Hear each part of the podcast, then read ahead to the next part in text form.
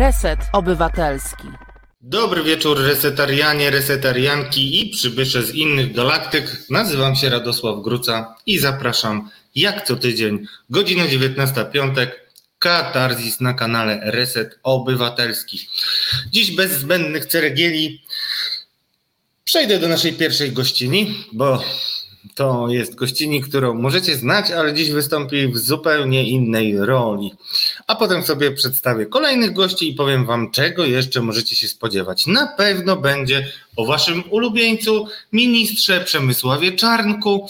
Będzie też o waszych antyulubieńcach, czyli panach w sutannach, hierarchach Kościoła katolickiego.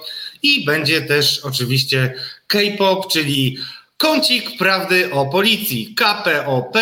Właśnie zaczynamy. Kącik Prawdy o Policji i nasza pierwsza gościni, Marta Aleksandra Woźniak, prowadząca To jest wojna na naszej antenie Resetu Obywatelskiego w czwartek. I to jest właśnie ta audycja. Bardzo Was zapraszam.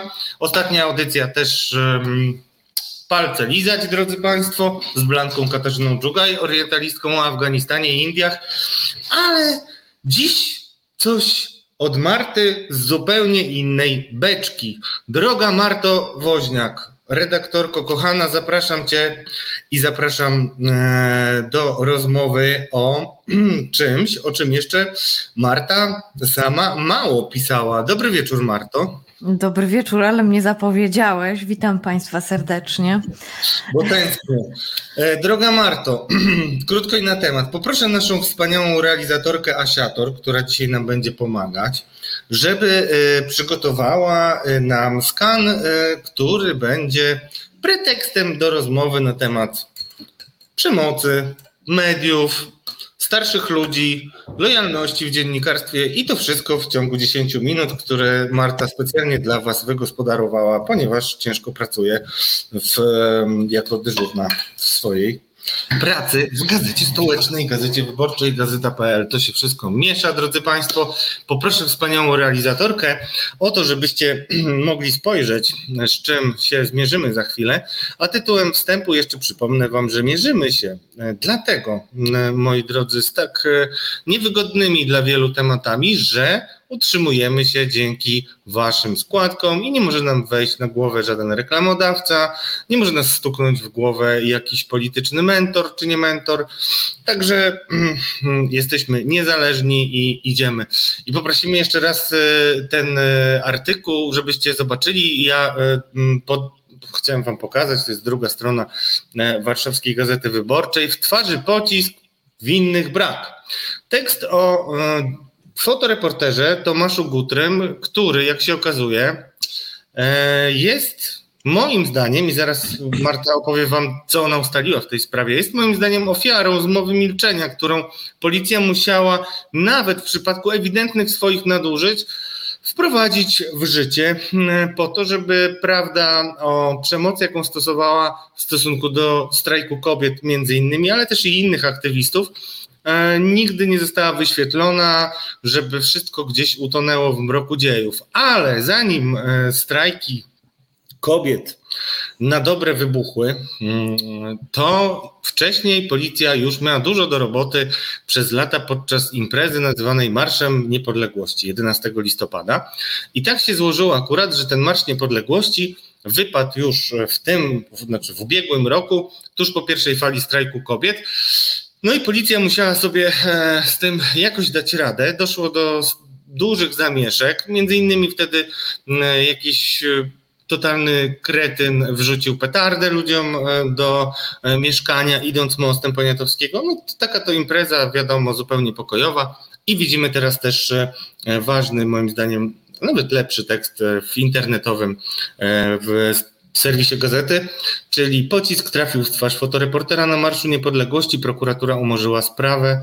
Tomasz Gutry, czyli ten pan fotoreporter, mówi: Jestem wkurzony. A na zdjęciu widzicie człowieka, który ma 75 lat, jest e, jednym e, z bardziej znanych e, fotoreporterów i też towarzyszących przez lata ludziom Solidarności mm, fotografem.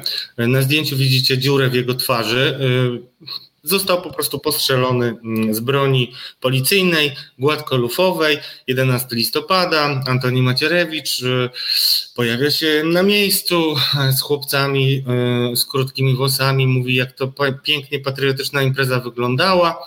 No i mija miesięcy, jak widzę, mm, liczę 9, 10 i co się okazuje z jego śledztwem w sprawie postrzelenia? Co, co ustaliłaś, Marto? No, no prokuratura umorzyła tą sprawę, ponieważ no jakby dotyczyło to przekroczenia uprawnień policjantów. W, tak jak rozmawiałam z panem Tomaszem Gutrym, fotoreporterem e, tygodnika Solidarność, no to on tam w ogóle on w tak, był taki gaz, w związku z czym mało było widać i tak dalej, i tak dalej, ale on jakby zauważył, że policja policja jakby tutaj podnosi, e, podnosi lufy. Podobnoż ostrzegali, żeby się odsunąć. On twierdzi, że tego nie słyszał. No i został postrzelony. No na początku było prawda, bardzo dużo emocji w związku z tą sprawą. Przy czym pan Tomasz Gutry, to proszę to naprawdę odnotować, w wówczas 74-letni, teraz 75 lat, e, ale on, koleżanka fotoreporterka go zauważyła, że coś, jest, coś się stało i padł, strzałów nie widziała, natomiast widziała, że potrzebuje pomocy, e, przeniosła go, znaczy przeprowadziła go, pomogła mu przejść na drugą stronę e, Ronda de Gola, skierowano się tutaj do karetki pogotowia, czy wezwano, no i pan Tomasz nawet w łóżku szpitalnym jeszcze wysyłał, mimo że bolało go, jeszcze wysyłał e, zdjęcia do agencji fotograficznych. No i umorzono sprawę.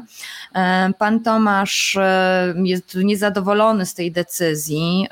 Samo śledztwo trwało 8,5 miesiąca. Przesłuchano różnych świadków w sprawie, przesłuchano też pana Tomasza.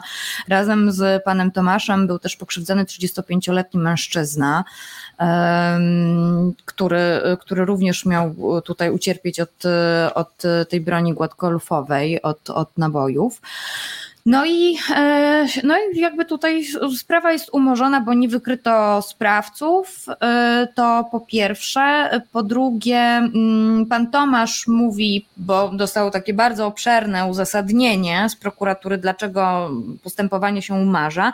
No i tak jak mi to relacjonował, to powiedział, że e, według niego jest to lanie wody i no on tutaj jakby z tego wynika z umorzenia, że tak nie powinno go tam było być, e, że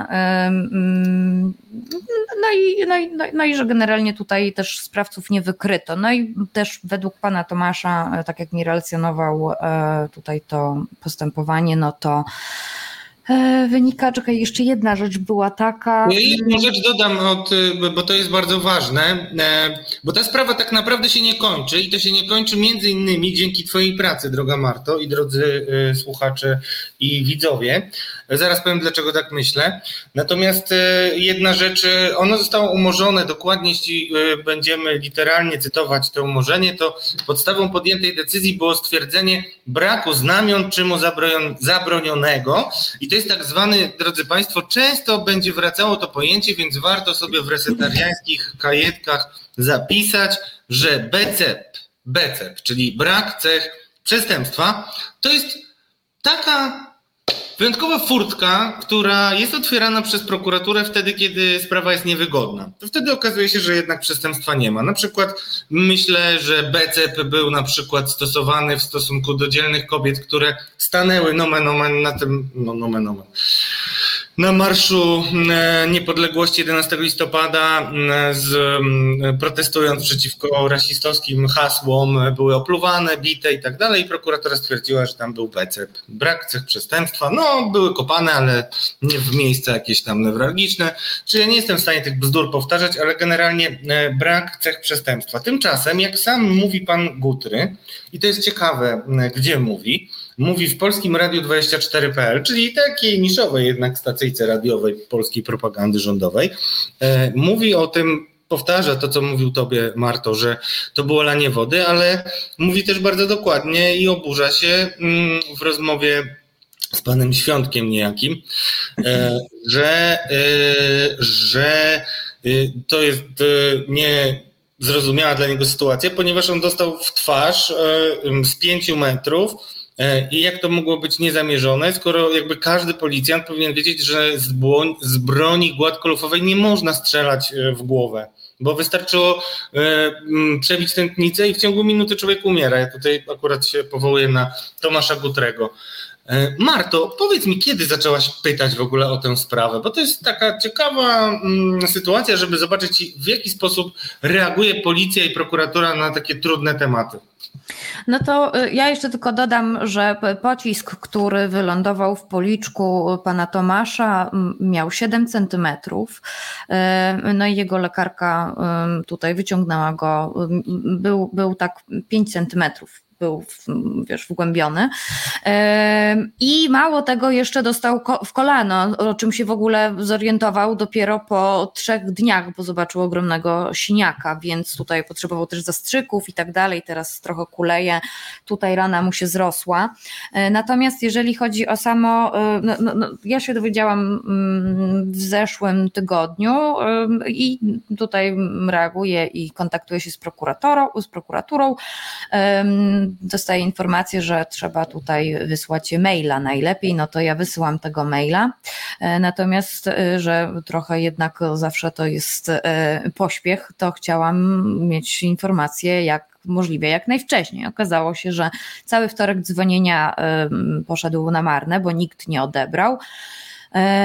Też skontaktowałam się z panem Tomaszem, zautoryzowaliśmy cały tekst, więc tylko czekałam po prostu na tę prokuraturę, no i tutaj autoryzację od, od pana Tomasza. No i przychodzi po prostu taki zbiorowy mail. Ja zadałam dwa pytania, żeby potwierdzić, czy faktycznie do takiej sytuacji doszło, to znaczy, że jest umorzone postępowanie.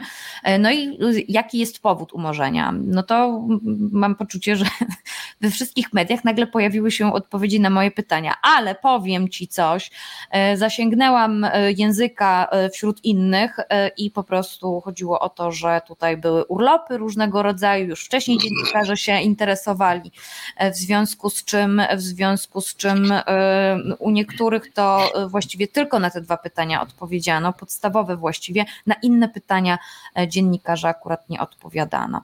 Więc to tak mogę, to tak mogę No dobrze, to ja teraz powiem tak, e, powiem coś, co Marcie może nie wypada, a poza tym ja już takie sytuacje doświadczałem, takich sytuacji doświadczałem wielokrotnie, więc mam déjà vu, déjà vu, déjà vu.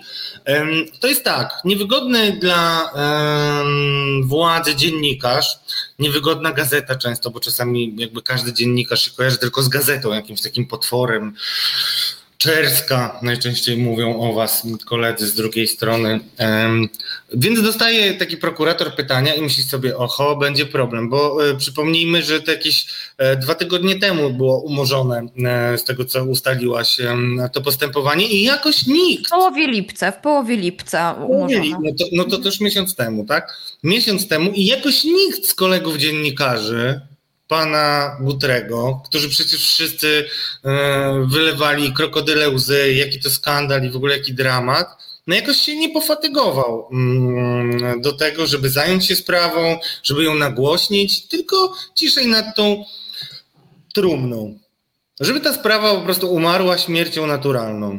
I dlatego ja też poproszę, i, i teraz nagle Marta Woźniak, dziennikarka e, gazety, pyta się o tę sprawę, która jest dla policji bardzo niewygodna.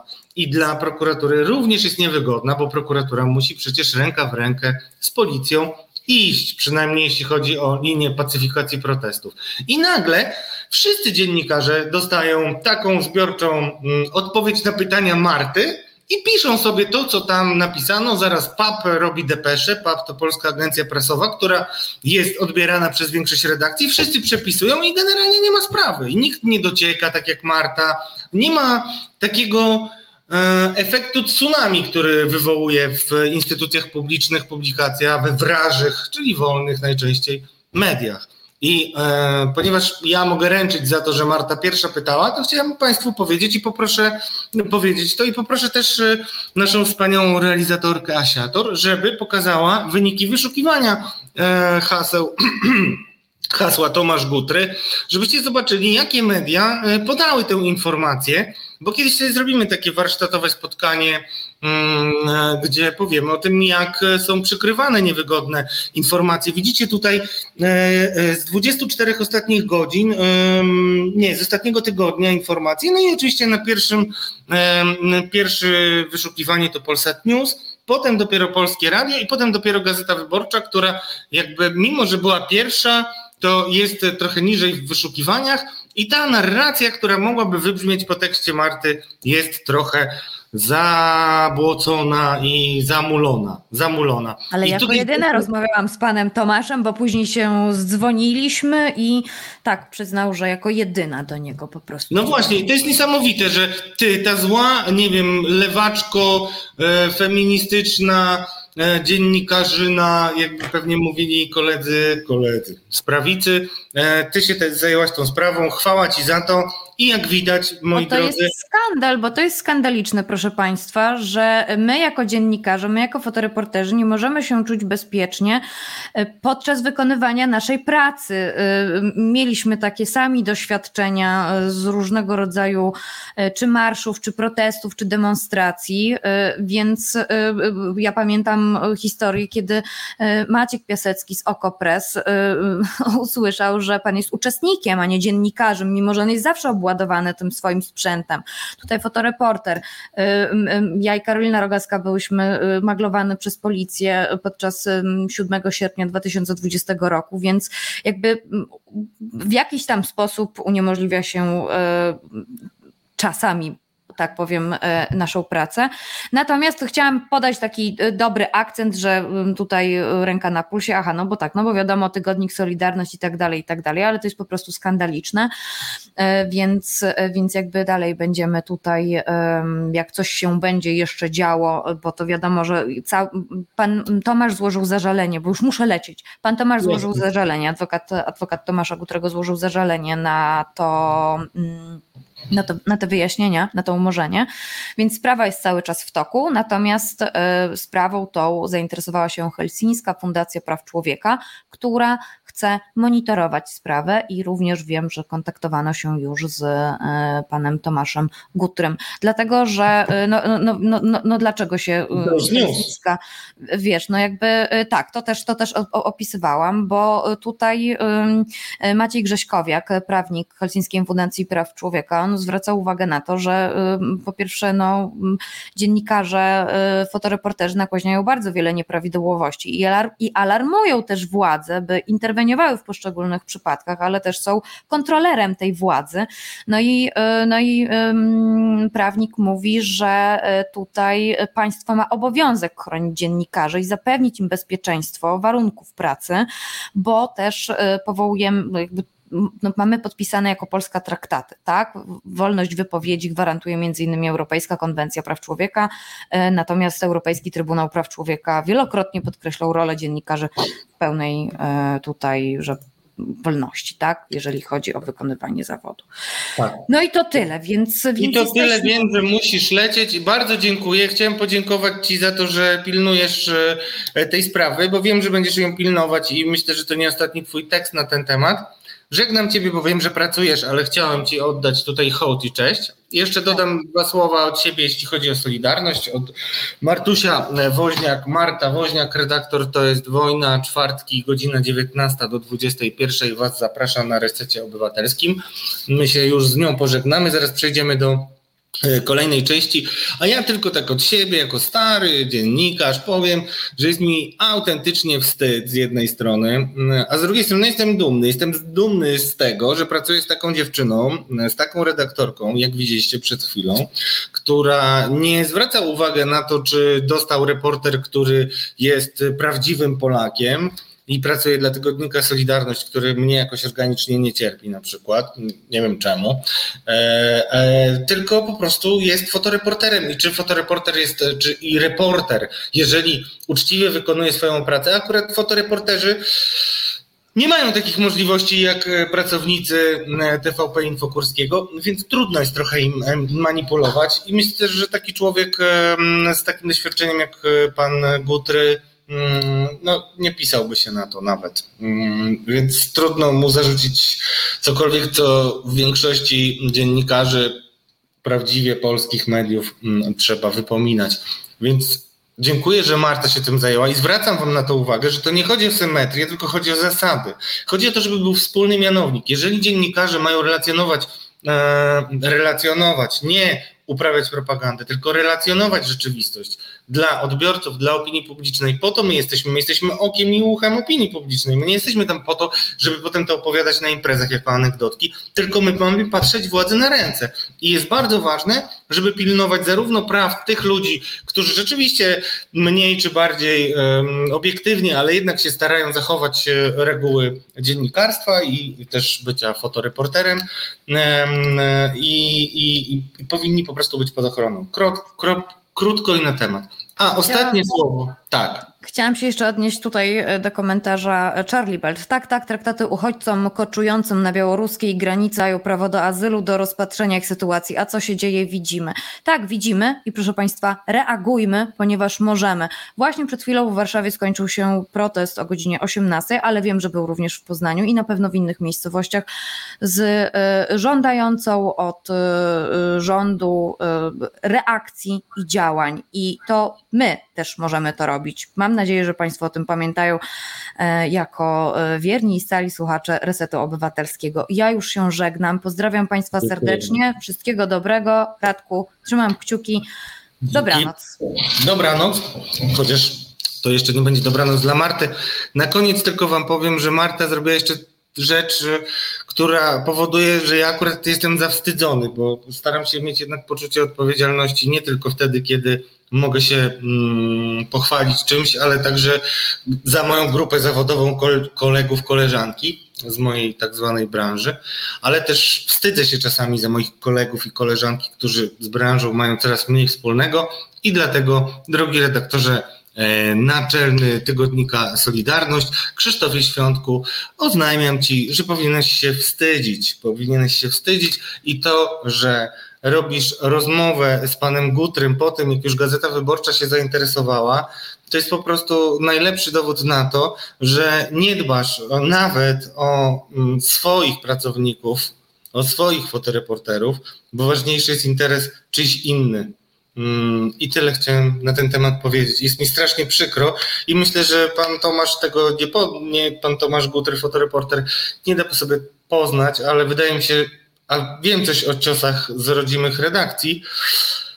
Wydaje mi się, że pan Tomasz mógł być smutny z powodu tego, że tygodnik Solidarność jakoś się jego sprawą nie zajął, dopóki nie zrobiła to tego Marta Woźniak, potem nie wypluła komunikatu prokuratura, potem nie zamydlał oczu opinii publicznej mm, ktoś, kto napisał depeszę w papie i tak dalej, i tak dalej. Mam nadzieję, że mm, zrozumieliście e, mój krótki przekaz. To jest koniec KPOP, czyli Kącika Prawdy o Policji. Poprosimy teraz e, za chwilkę już nasza kochana realizatorka Asiator włączy nam krótką przerwę muzyczną, ale zanim to zrobi, ja powiem Wam jeszcze, co dalej nas czeka.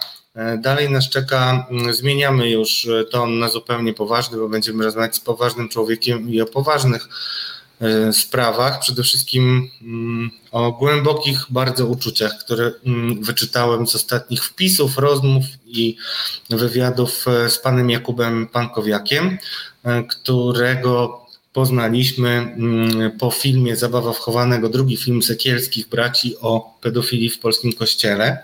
Więc porozmawiamy już za chwilę z Jakubem, który, przepraszam, musieliśmy troszkę opóźnić, który już jest i czeka, żeby z Państwem porozmawiać a od 20.15.20 zupełnie wspaniałe grono zbierze się na naszym kanale Reset Obywatelski i Katarzis odwiedzi.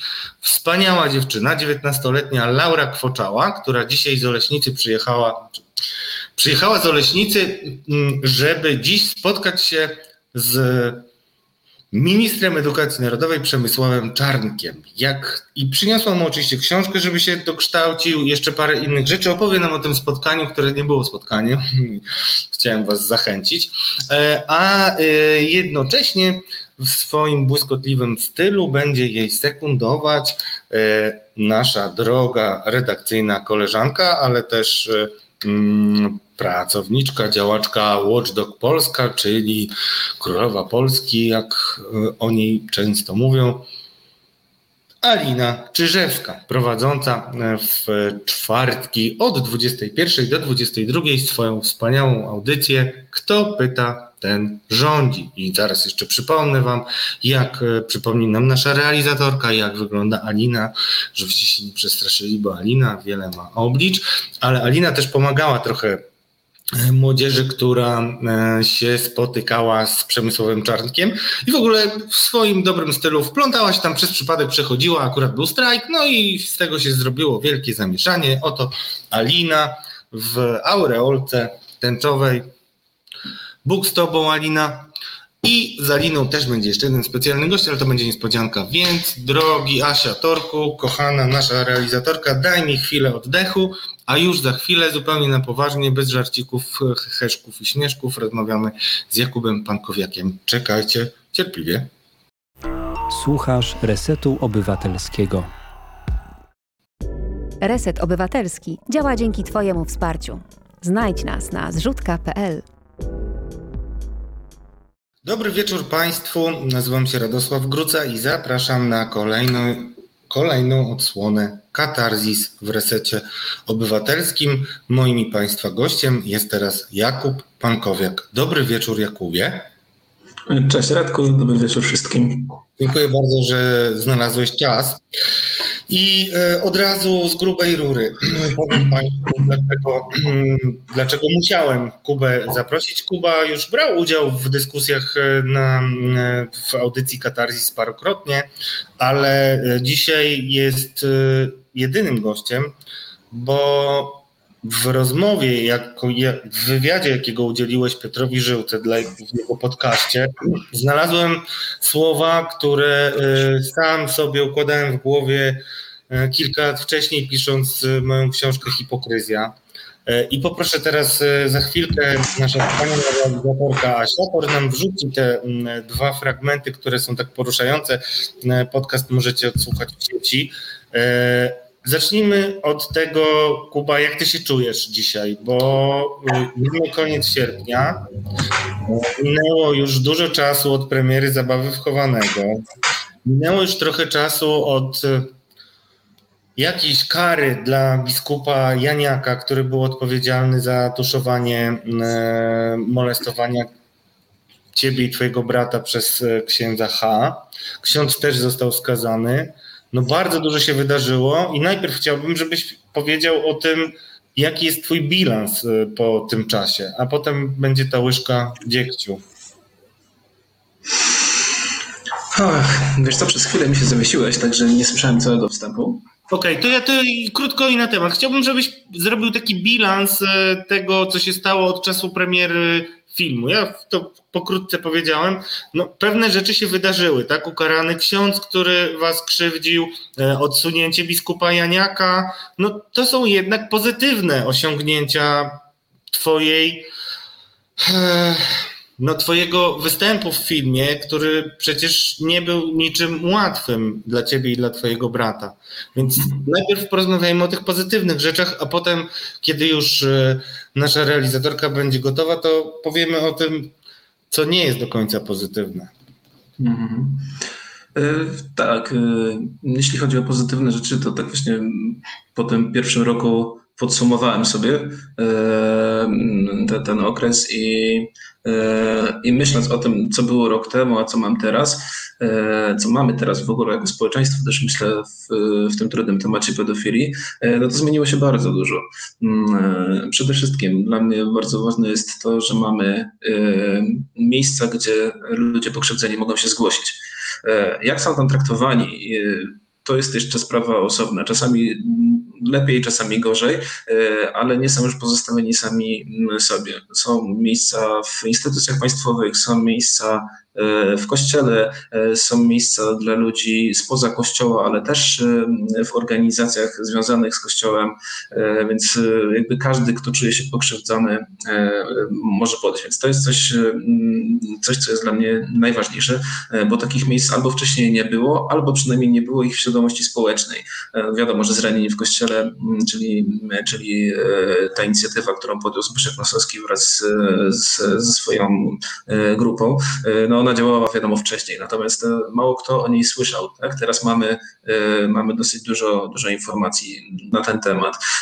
Nie było komisji do spraw pedofilii, dzisiaj ją mamy. Różnie ją oceniano na samym początku. Ja pokładałem w, nią, w niej dużą nadzieję i powiem szczerze, nie czuję się zawiedziony. Znaczy, nie czuję się zawiedziony ludźmi, nie czuję się zawiedziony, zawiedziony tym, w jaki sposób oni funkcjonują. Czuję się zawiedziony ustawą, na której opiera się ich, e, ich praca i oni tak na dobrą sprawę niewiele mogą, ale mogą krzyczeć, e, mogą głośno protestować i, e, no i robią to.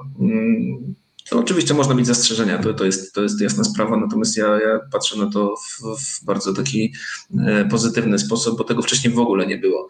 E, no a w mojej sprawie co się wydarzyło? No tak jak, jak mówiłeś, biskup Janiak jest już na emeryturze, mm, nie wiem czy zasłużonej, ale, ale, ale na emeryturze. E, ksiądz H jest po wyroku pierwszej instancji, czyli trzy lata mm, bezwzględnego więzienia. Mamy zmianę biskupa w, w Kaliszu. Co prawda została stara gwardia w kurii, ale, mm, ale jakoś e, mam wrażenie, że inaczej to funkcjonuje, bo znam też inne przypadki dotyczące innych duchownych, e, jeśli chodzi o przestępstwo seksualne i wiem, że one trochę inaczej są teraz już e, załatwiane niż było to w naszym przypadku. Mm, mamy zmiany, y, y, jeśli chodzi o, o reakcję Watykanu. Oczywiście one są zdecydowanie za małe, ale jakieś tam zmiany y, są, więc no, z pozytywów tyle. I przede wszystkim temat funkcjonuje w mediach, nie jest już takim tematem tabu, jak był kiedyś. Dzisiaj ludzie pokrzywdzeni, mam wrażenie, że mają mniejsze bariery przed tym, żeby o tym mówić, żeby zgłaszać te, te przypadki.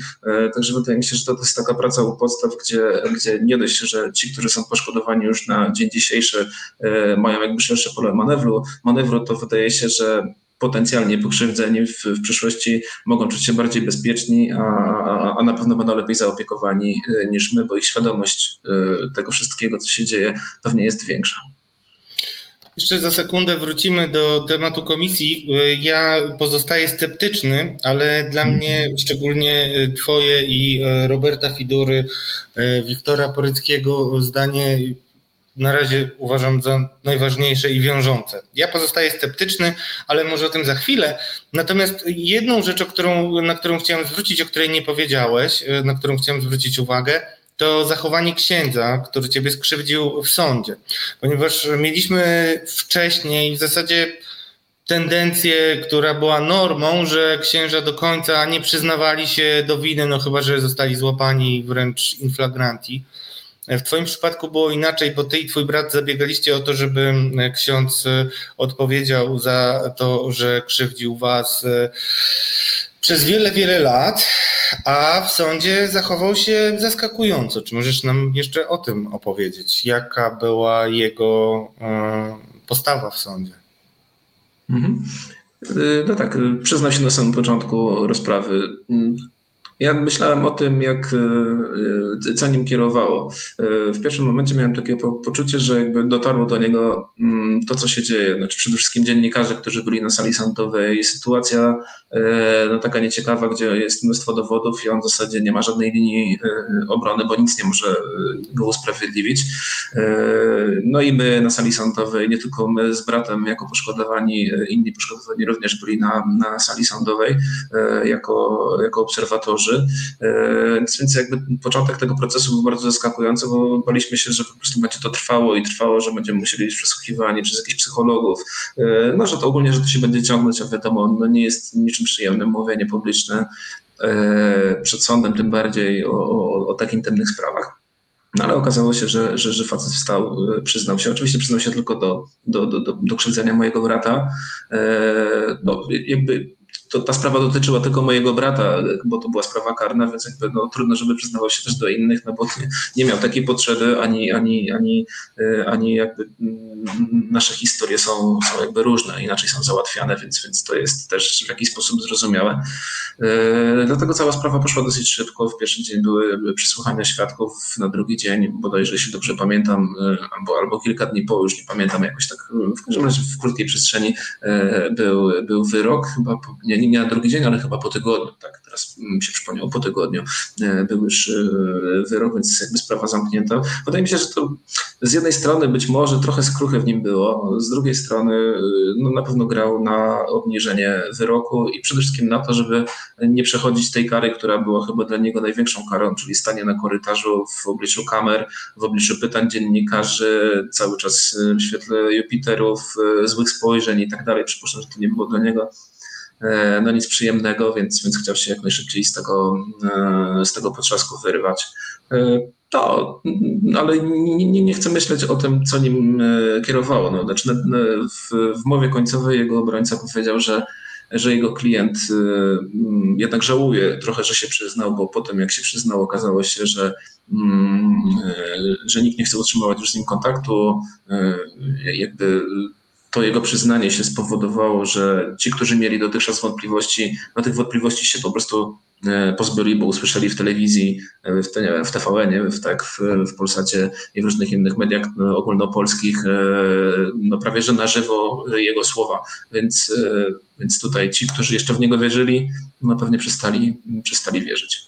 Tak, ale też to, co jest ważne, po pierwsze się przyznał, czy z takich czy innych pobudek, to jest inna rzecz, każdy może sobie ocenić, każdy pewnie będzie niestety oceniał, chociaż mm, no cóż, to, to łatwo jest oceniać e, innych, a nie jesteśmy w duszy czyjejś, żeby móc wiedzieć na pewno, więc ja bym przed tym przestrzegał, ale jest to ważny fakt, że on jednak nie poszedł na przedłużanie tego procesu, e, tylko no zgodził się na konsekwencje. To, co powiedziałeś, jest też e, szalenie istotne, bo chciałem powiedzieć, ale nie było tam wianuszka ludzi, którzy próbowali przekonywać, że nic się nie stało, że to jest jakaś, nie wiem, e, vendetta Sekielskich, e, jakaś antykościelna fronda, którą ty reprezentujesz. Tego nie było. To się udało, jakby tutaj nie było wątpliwości, że sprawa jest czarno na białym, ewidentna, tak?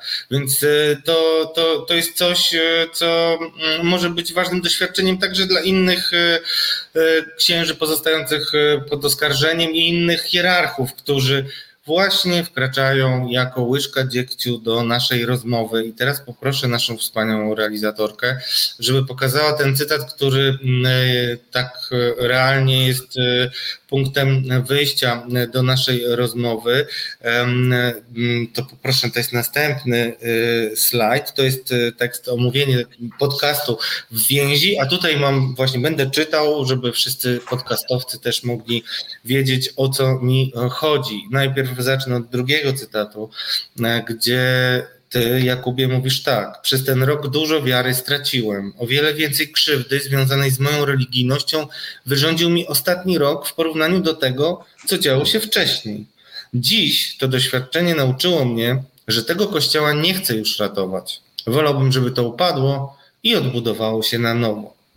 Myślę, że wielu słuchaczy i widzów, y, którzy śledzą nasze audycje dotyczące Kościoła w resecie, wie doskonale, że y, parafrazując te słowa, mówiłem wielokrotnie, więc czuję wyjątkową bliskość y, z tą emocją, z Tobą, Jakubie. I teraz jeszcze drugi cytat. Ty powiedziałeś tak, miałem naiwne przekonanie, że biskupi popełniają błędy, ale mają dobre intencje. Teraz mam poczucie, że mają w pewnych sprawach złe intencje i starają się robić wszystko, żeby te błędy nie wyszły na jaw. Przez ten rok dali mi znać, że tak naprawdę my, my mówisz jako nieumarły, jako osoba skrzywdzona, my nie jesteśmy potrzebni Kościołowi jako takiemu, a na pewno nie jesteśmy im, a oni też nie mają potrzeby bycia z nami. To nie są moi pasterze, powiedział Kuba Pankowiak. Kuba, ja bym cię bardzo poprosił, żebyś rozwinął tę myśl. Tym bardziej, że w podcaście opowiadasz też, e, sam o tym napomknąłeś, że biskupa Janiaka za, zastąpili inni, ale mm, ja ciągle nie się. dla osoby bieżącej w kwestii tego, żeby ciebie wreszcie, twojego brata i wszystkich skrzywdzonych poproszono. Zacznijmy od tego. Ja nie, nie byłem na takiej mszy, na której by padły słowa przepraszam. Pod sądem, pod y, zarzutami y, w obliczu możliwej surowej kary więzienia inaczej się trochę przeprasza niż y, jako kościół, który instytucjonalnie, to też przebija z twojej wypowiedzi, no nie wziął się mm, za bary z tym problemem. Mhm.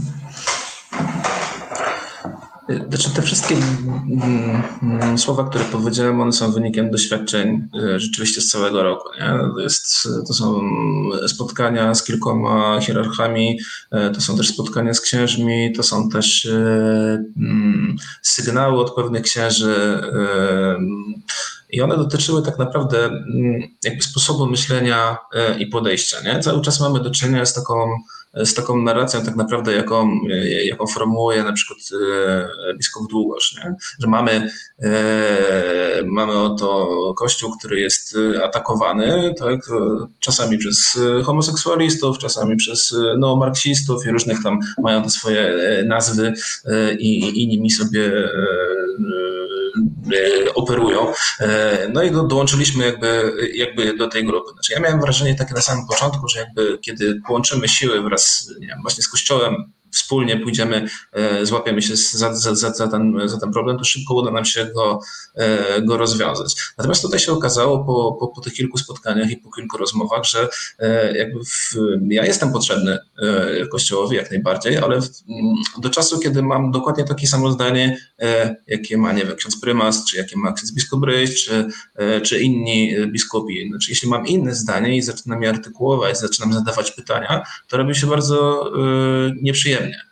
Znaczy, e, to, to jest w ogóle problem biskupów, nie? że oni nie potrafią e, dyskutować. Nie? Oni mają zawsze rację, oni zawsze są e, gwiazdami wieczoru, wszyscy zawsze ich słuchają i jakby nie, nie, ma tej, tego przyzwyczajenia do takiej prawdziwej dyskusji, do ścierania się poglądów i tak dalej.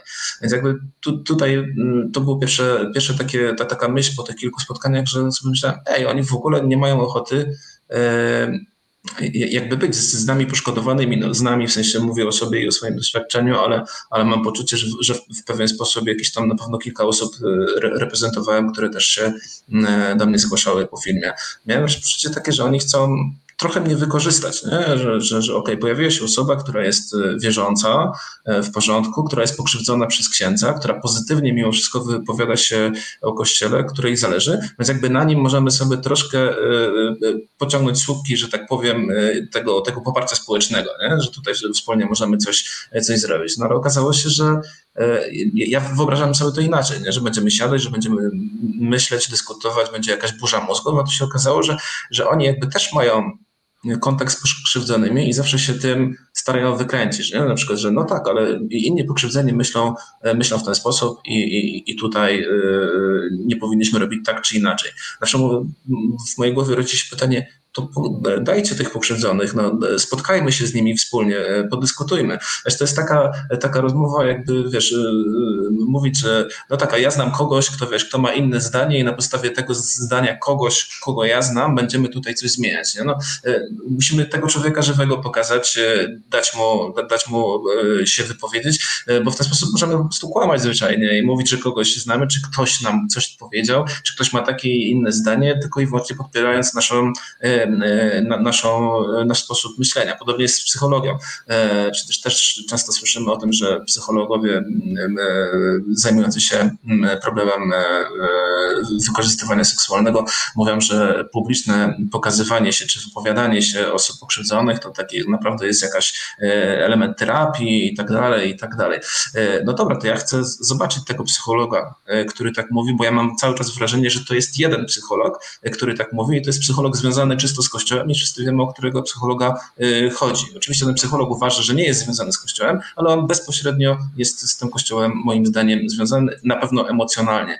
Więc chciałbym, żeby zebrało się kilku psychologów, na przykład niewierzących, na przykład, żeby to był psycholog o innej orientacji seksualnej, a być może z innego kraju, z, inny, z innych i wtedy w oparciu o ich opinię mogę się zgodzić, że, że, że, że należy tak lub inaczej. Natomiast jeśli ja mam swojego psychologa, który będzie mówił to, czego ja oczekuję, mam powiedzmy sobie swojego pokrzywdzonego, który będzie mówił dokładnie to, czego ja oczekuję, no to wydaje się, że ten wózek za daleko po prostu nie zajedzie. Oczywiście dzieje się mnóstwo dobrych rzeczy, ja to doceniam, e, no ale chyba nie na tym polega partnerstwo. No, zresztą no nie, na pewno i też nie, nie na tym polega chrześcijaństwo w ogóle. Ale ja jeszcze chciałem na sekundę wrócić do tego, do twojej relacji ze spotkania z arcybiskupem Gądeckim, Stanisławem, e, które, no powiem szczerze, ta relacja była dla mnie bardzo przykra i zadziwiająca, chociażby dlatego, że mm, nie tylko nie mogłeś zabrać osoby towarzyszącej na spotkanie mm, z arcybiskupem, ale też musiałeś, e, jak rozumiem, przysięgać też na Pismo Święte, że, e, że nie ujawnisz tego, o czym jest spotkanie, czyli no nie jest to, nazwijmy to delikatnie, komfortowa sytuacja dla osoby, która była skrzywdzona, która pokazuje swoją twarz, i robi to, drodzy Państwo, będę to podkreślał, nie dla własnej korzyści, tylko też z jakiegoś, no nie chcę być Twoim rzecznikiem, ale na pewno nie robisz tego dla własnej korzyści i bardzo często mówiłem, że osoby pokrzywdzone, jeżeli zabierają głos, to robią to najczęściej po to, żeby inni nie cierpieli w ten sposób i żeby mm, te sytuacje były systemowo w pewien sposób rozwiązane.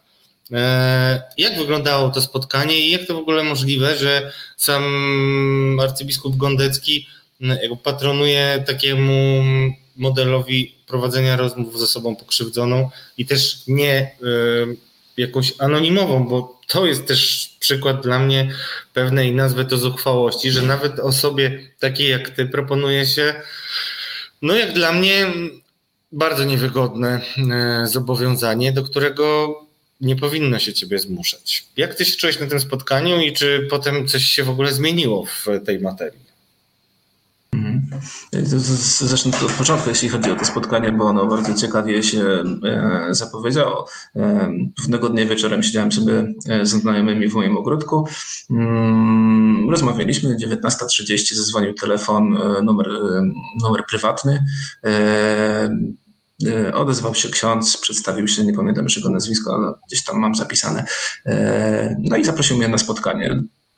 Trzeba uznać, że zaprosił, a nie powiedział, że to spotkanie jest i nie wiem, i mam być. Oczywiście w żaden sposób nie mógł mnie zmusić, natomiast też wiedział, że mi pewnie na tym spotkaniu zależy i wyznaczył jakąś tam datę. E, no i, i umówiliśmy się na następny dzień. Poprosiłem, żeby żeby w spotkaniu mógł wziąć udział Zbyszek Nosowski. To był jest nadal facet, któremu bardzo e, ufam, który mi bardzo pomógł przede wszystkim, a, a, a nade wszystko jest bardzo kompetentny e, w sprawach prawa kanonicznego i w sprawach przepisów dotyczących osób poszkodowanych mm, seksualnie. Więc, więc wydawało mi się taką naturalną, naturalną opcją. Oczywiście dostałem informację zwrotną, że nie ma takiej możliwości, żeby, żeby przyjść z panem Nosowskim, muszę być sam. A trochę się pokłóciliśmy, posprzeczaliśmy, okej, okay. zgodziłem się na to spotkanie. Właśnie kiedy wszedłem E, do kurii, e, poczekałem chwilę na arcybiskupa Kondeckiego i właśnie na, na tego, na tego księża, księdza. E, no panowie byli niezwykle mili, serdeczni. Co prawda siedzieliśmy przy takim stole, gdzie czułem się jak petent. Ja, ja siedziałem po jednej stronie, oni we dwójkę siedzieli po, po, po drugiej stronie i rzeczywiście no, można było się poczuć jak na, jak na prawdziwym przesłuchaniu. Wydaje mi się, że ta zaufałość wynikała z jednej, z jednej rzeczy. Oni mm, nie przesłuchiwali mnie w sprawie księdza H., tylko przesłuchiwali mnie w sprawie zaniedbań e, rzekomych, jak to nazywał ten, ten ksiądz e, będący na tym spotkaniu, e, biskupa Janiaka. W związku z tym wytłumaczyli mi, że mm, takie przesłuchania mm, mm, znaczy do takich przesłuchań jakby są osobne przepisy, w związku z tym powinienem być sam. No i na dzień dobry właśnie musiałem przysięgać na Pismo Święte, że będę mówił całą prawdę i tylko prawdę. Już nie pamiętam, jak to było tam skonstruowane, ale było to tak skonstruowane, że można było wywnioskować z tego, że jestem zobowiązany do dyskrecji do tego, żeby mówić całą prawdę i tylko prawdę i, i, i, i jakby przysięgać na Pismo Święte. Wydawało mi się to jakieś kompletnie kompletnie niepoważne. No, no, znaczy wydaje mi się, że przysięganie na Pismo Święte to jest, nie wiem, albo domena jakichś dzieci, albo, albo jakieś po prostu straszne wykorzystywanie instrumentalne ważnych elementów życia chrześcijan, więc no ale zrobiłem to, wiesz, to jest właśnie tak, to jest tak trochę jak z molestowaniem, wiesz, coś się dzieje, a ty masz takie poczucie, że nie masz nad tym władzy. Bardzo mi się to przypomniało, wiesz, że, że w zasadzie mógłbyś wyjść, mógłbyś, wiesz, uciec, mógłbyś coś zrobić, mógłbyś ruszyć, no ale z jakichś dziwnych powodów tego nie robisz, bo jesteś tak osaczony przez sytuację, że, że jakby pozostawiasz to wszystko swojemu biegowi.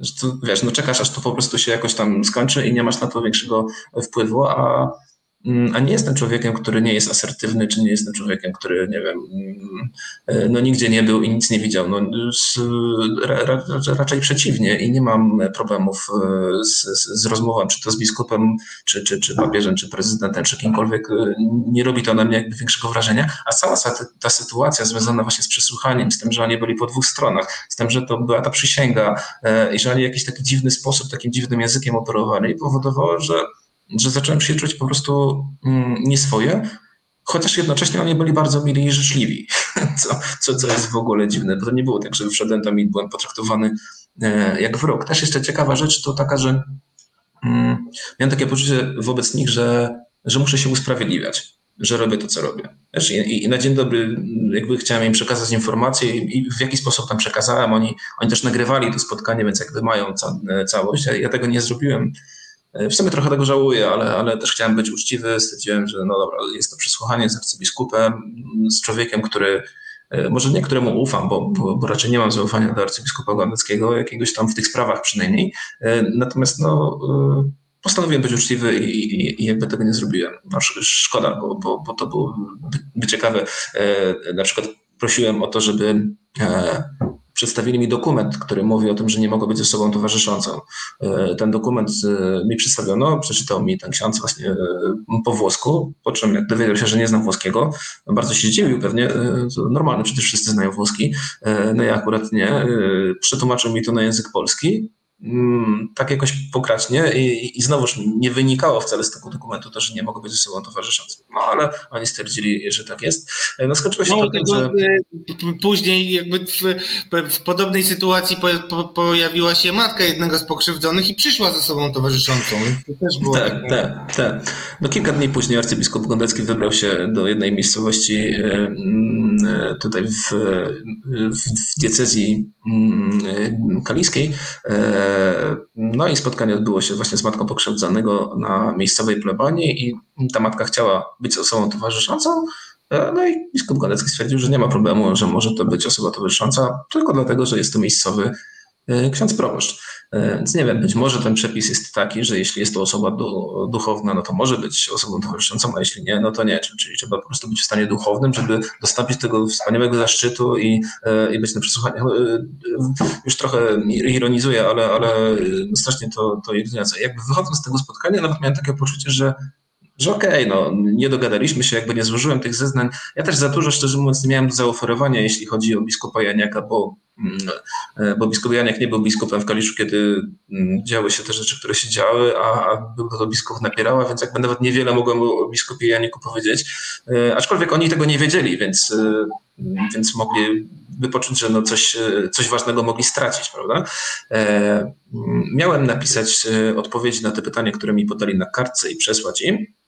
E, albo, albo, albo przekazać e, bezpośrednio. Natomiast no, kiedy się dowiedziałem, że pani e, matka jednego z pokrzywdzonych przez księdza H. mogła być ze sobą towarzyszącą, no stwierdziłem, że nie, nie, nie, nie będę brał w tym udziału, bo to jest po prostu już, już, już kompletnie niepoważne i, no i sobie odpuściłem. I wtedy właśnie tak pierwszy raz poczułem, że, mm, że z tymi ludźmi nie da się dojść do porozumienia, że oni mają swój świat, są tak bardzo okopani, tak bardzo są osiadkowanie, jak to teraz modne jest w Polsce, siatkowanie się przed, przed różnymi ludźmi, no, że, że po prostu w ogóle nie docierają do nich emocje, w ogóle nie docierają do nich ludzie, liczą się tylko oni, ich interes i, i ewentualnie to, żeby dobrze załatwić sprawę na tyle, żeby nie zrobić krzywdy biskupowi Janiakowi, a z drugiej strony, żeby zrobić w miarę możliwości wszystko zgodnie z, z przepisami, bo nie wiem, co oni wysłali do Watykanu, na przykład czy wysłali informację, że nie pojawiłem się na przesłuchaniu, czy odmówiłem zeznań, ale ani ja, ani mój brat przesłuchani nie zostaliśmy, bo nie było już więcej kontaktu ze strony ze strony kurii, więc tak. biskup Janiak został, został skazany, że tak powiem, przez Watykan na wielką karę emerytury bez zeznań kluczowych wydaje się przynajmniej kluczowych świadków, być może nie byliśmy kluczowi, ale, ale wydaje się, że, że dla tych osób, które nie znają naszej wiedzy, no, ktoś mógłby mieć takie odczucie. E, zanim jeszcze zadam Ci e, ostatnie pytanie, to chciałem Ci zwrócić uwagę, bo mm, większość komentujących oczywiście jest e, ultra sceptycznych i to jest cała konwencja naszych spotkań, to znaczy oni mi wbijają cały czas, że nie, nie, a ja jakby staram się opierać jakkolwiek, chociaż na koniec dnia często przyznaję rację. I Ewa Palczewska napisała, mm, po pierwsze, moim zdaniem nietrafnie napisała, że Twój opis tej sytuacji jest jak z sytuacją w Klerze, bo Ty zwracasz uwagę, że oni są mili i to też jest pewien, no, no, w Klerze nie byli mili na pewno, ale pytanie, co zostaje z, z tego, że ktoś jest miły mm, realnie. Natomiast e, Ewa Polczeska też spytała i potem podchwycił to e, Piotr z Katowic, którego bardzo chętnie bym usłyszał, dlatego też poproszę o numer telefonu, żeby nasza wspaniała realizatorka wyświetliła. A mianowicie oni się zapytali, czy arcybiskup też przysięgał na Pismo Święte. I powiem szczerze, nie, nie pomyślałem, bo tak, to z jednej strony to brzmi jak szydera gruba, tak? A z drugiej strony tak sobie myślę, jeżeli to jest postępowanie kościelne, jeżeli ono ma służyć prawdzie, zacznijmy od tej prawdy, już nie, nie, nie, nie bawmy się w winę i karę, tylko w ustalaniu prawdy. To czy ci, którzy stawiają ci pytania, zapraszają cię bez osoby towarzyszącej, e, nie powinni też przysiąc, że będą robili wszystko, żeby prawda wyszła tak, jak wygląda? No zastanówmy się wszyscy. To ciekawe, że ja bym, nawet w ogóle byłbym zwolennikiem tego typu e, wtedy przysięgania na Pismo Święte, bo jeżeli biskup będzie przysięgał razem z osobą, z którą rozmawia po to, żeby dojść do prawdy, to byłby genialny, moim zdaniem, model postępowania. Ale y, wracając do tego bez żadnej goryczy. Mm, ty powiedziałeś też coś takiego o postępowaniach tych kościelnych, o postępowaniach kościelnych, co ciągle we mnie żyje. My z Jakubem poznaliśmy się kiedyś w ubiegłym roku na krakowskim przedmieściu. Była taka właśnie rozmowa między innymi z osobami, które e, też psychologami i e, dziennikarzami i, i Kubą i Robertem Fidurą w takim kameralnym gronie na temat tego, jak można by dalej jakby mm, ten proces oczyszczenia kościoła i w ogóle refleksji i skoncentrowania się wreszcie na problemach osób pokrzywdzonych, a nie na chronieniu osób, które krzywdzą, była taka rozmowa i pamiętasz, że rozmawialiśmy wtedy o księdzu Dymerze i ja mam straszny dyskomfort do dzisiaj, bo ksiądz Dymer został po 25 latach z okładem, um, znaczy skończył się jego um, proces kanoniczny, ale my nie wiemy jak się skończył. Nie, nie, nie wiemy, czy on jest winny, czy on jest niewinny, czy on został ukarany. Teraz umarł i wszystko jest um, do widzenia. I tak samo jest e, trochę w twojej sytuacji, bo ty mówisz o Janiaku, e, który ponosi karę, ale tak okej, okay, no jak już wiemy, że jest winny, to przysypmy to po prostu jak największą stertą różnych rzeczy, żeby już nie otwierać tego, zamknąć i żeby nam znowu nie wybuchło w rękach. To nie jest e, moim. Pytam Ciebie, czy Tobie się nie wydaje, że to będzie kumulować problemy? Bo dzisiaj oni mówią, okej, okay, oni mówią, hierarchowie mówią, że proces jest zamknięty, ukarany, Roma Lukuta, klausa finita, tam, tak, tak. Więc y, pytanie, czy to nie będzie dodatkowym materiałem, który będzie rozwalał Kościół od środka, bo kiedyś, prędzej czy później, a gwarantuję, że mam pewną determinację w tej sprawie, dowiemy się, jakie były decyzje sądów kościelnych, te, o których nie chcą um, hierarchowie mówić, bo to od nich często, od ich kompetencji zależy na tym, zależy to, czy, czy my dowiemy się o szczegółach tego procesu, no chociażby o winie, tak, czy karze. No nawet o tym się nie dowiedzieliśmy w przypadku księdza Dymera i dlatego mam do ciebie pytanie, czy ty mówisz, że najlepiej by było, żeby to wszystko upadło i wtedy się odbuduje.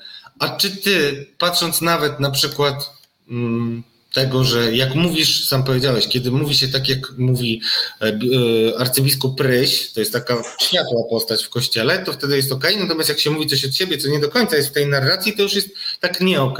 I ja już idę dalej i pytam ciebie, czy ty uważasz, że to się da realnie jakkolwiek odbudować? Bo jednak hierarchia, która w moim przekonaniu jest źródłem całego zła, nawet powiem, całego zła, bo ja nie mówię o tych, którzy krzywdzą, ja mówię o systemie. Jeżeli ta hierarchia nie ma żadnych innych następców, a daje taki przykład, e, jak zamykanie spraw bez e, ujawniania, jakie były rozstrzygnięcia, jakie były ustalenia chociażby, no to to nie może trwać. Mhm. Zacząłeś e, od, takiej, mm, od takiego zdania, e, że mm, ciekawe jakby to wyglądało, tak? E, jakby biskup, arcybiskup Kondecki przyciągał na, na Pismo Święte również, tak? Że będzie chciał doprowadzić tę sprawę zgodnie, zgodnie z faktami do, do końca. Wydaje się, że to jest właśnie jakiś element, który dawałby poczucie partnerstwa no tak? poszkodowanemu, przysłuchiwanemu w stosunku do, do tego, który, który prowadzi to postępowanie. Znaczy, wydaje mi się, że to być może będzie e, kiedyś, nie wiem, może w XXII-III wieku. E, natomiast teraz jesteśmy na etapie takim, że my jako poszkodowani nie jesteśmy e, nawet stroną w takich sprawach, tylko jesteśmy zwykłymi świadkami.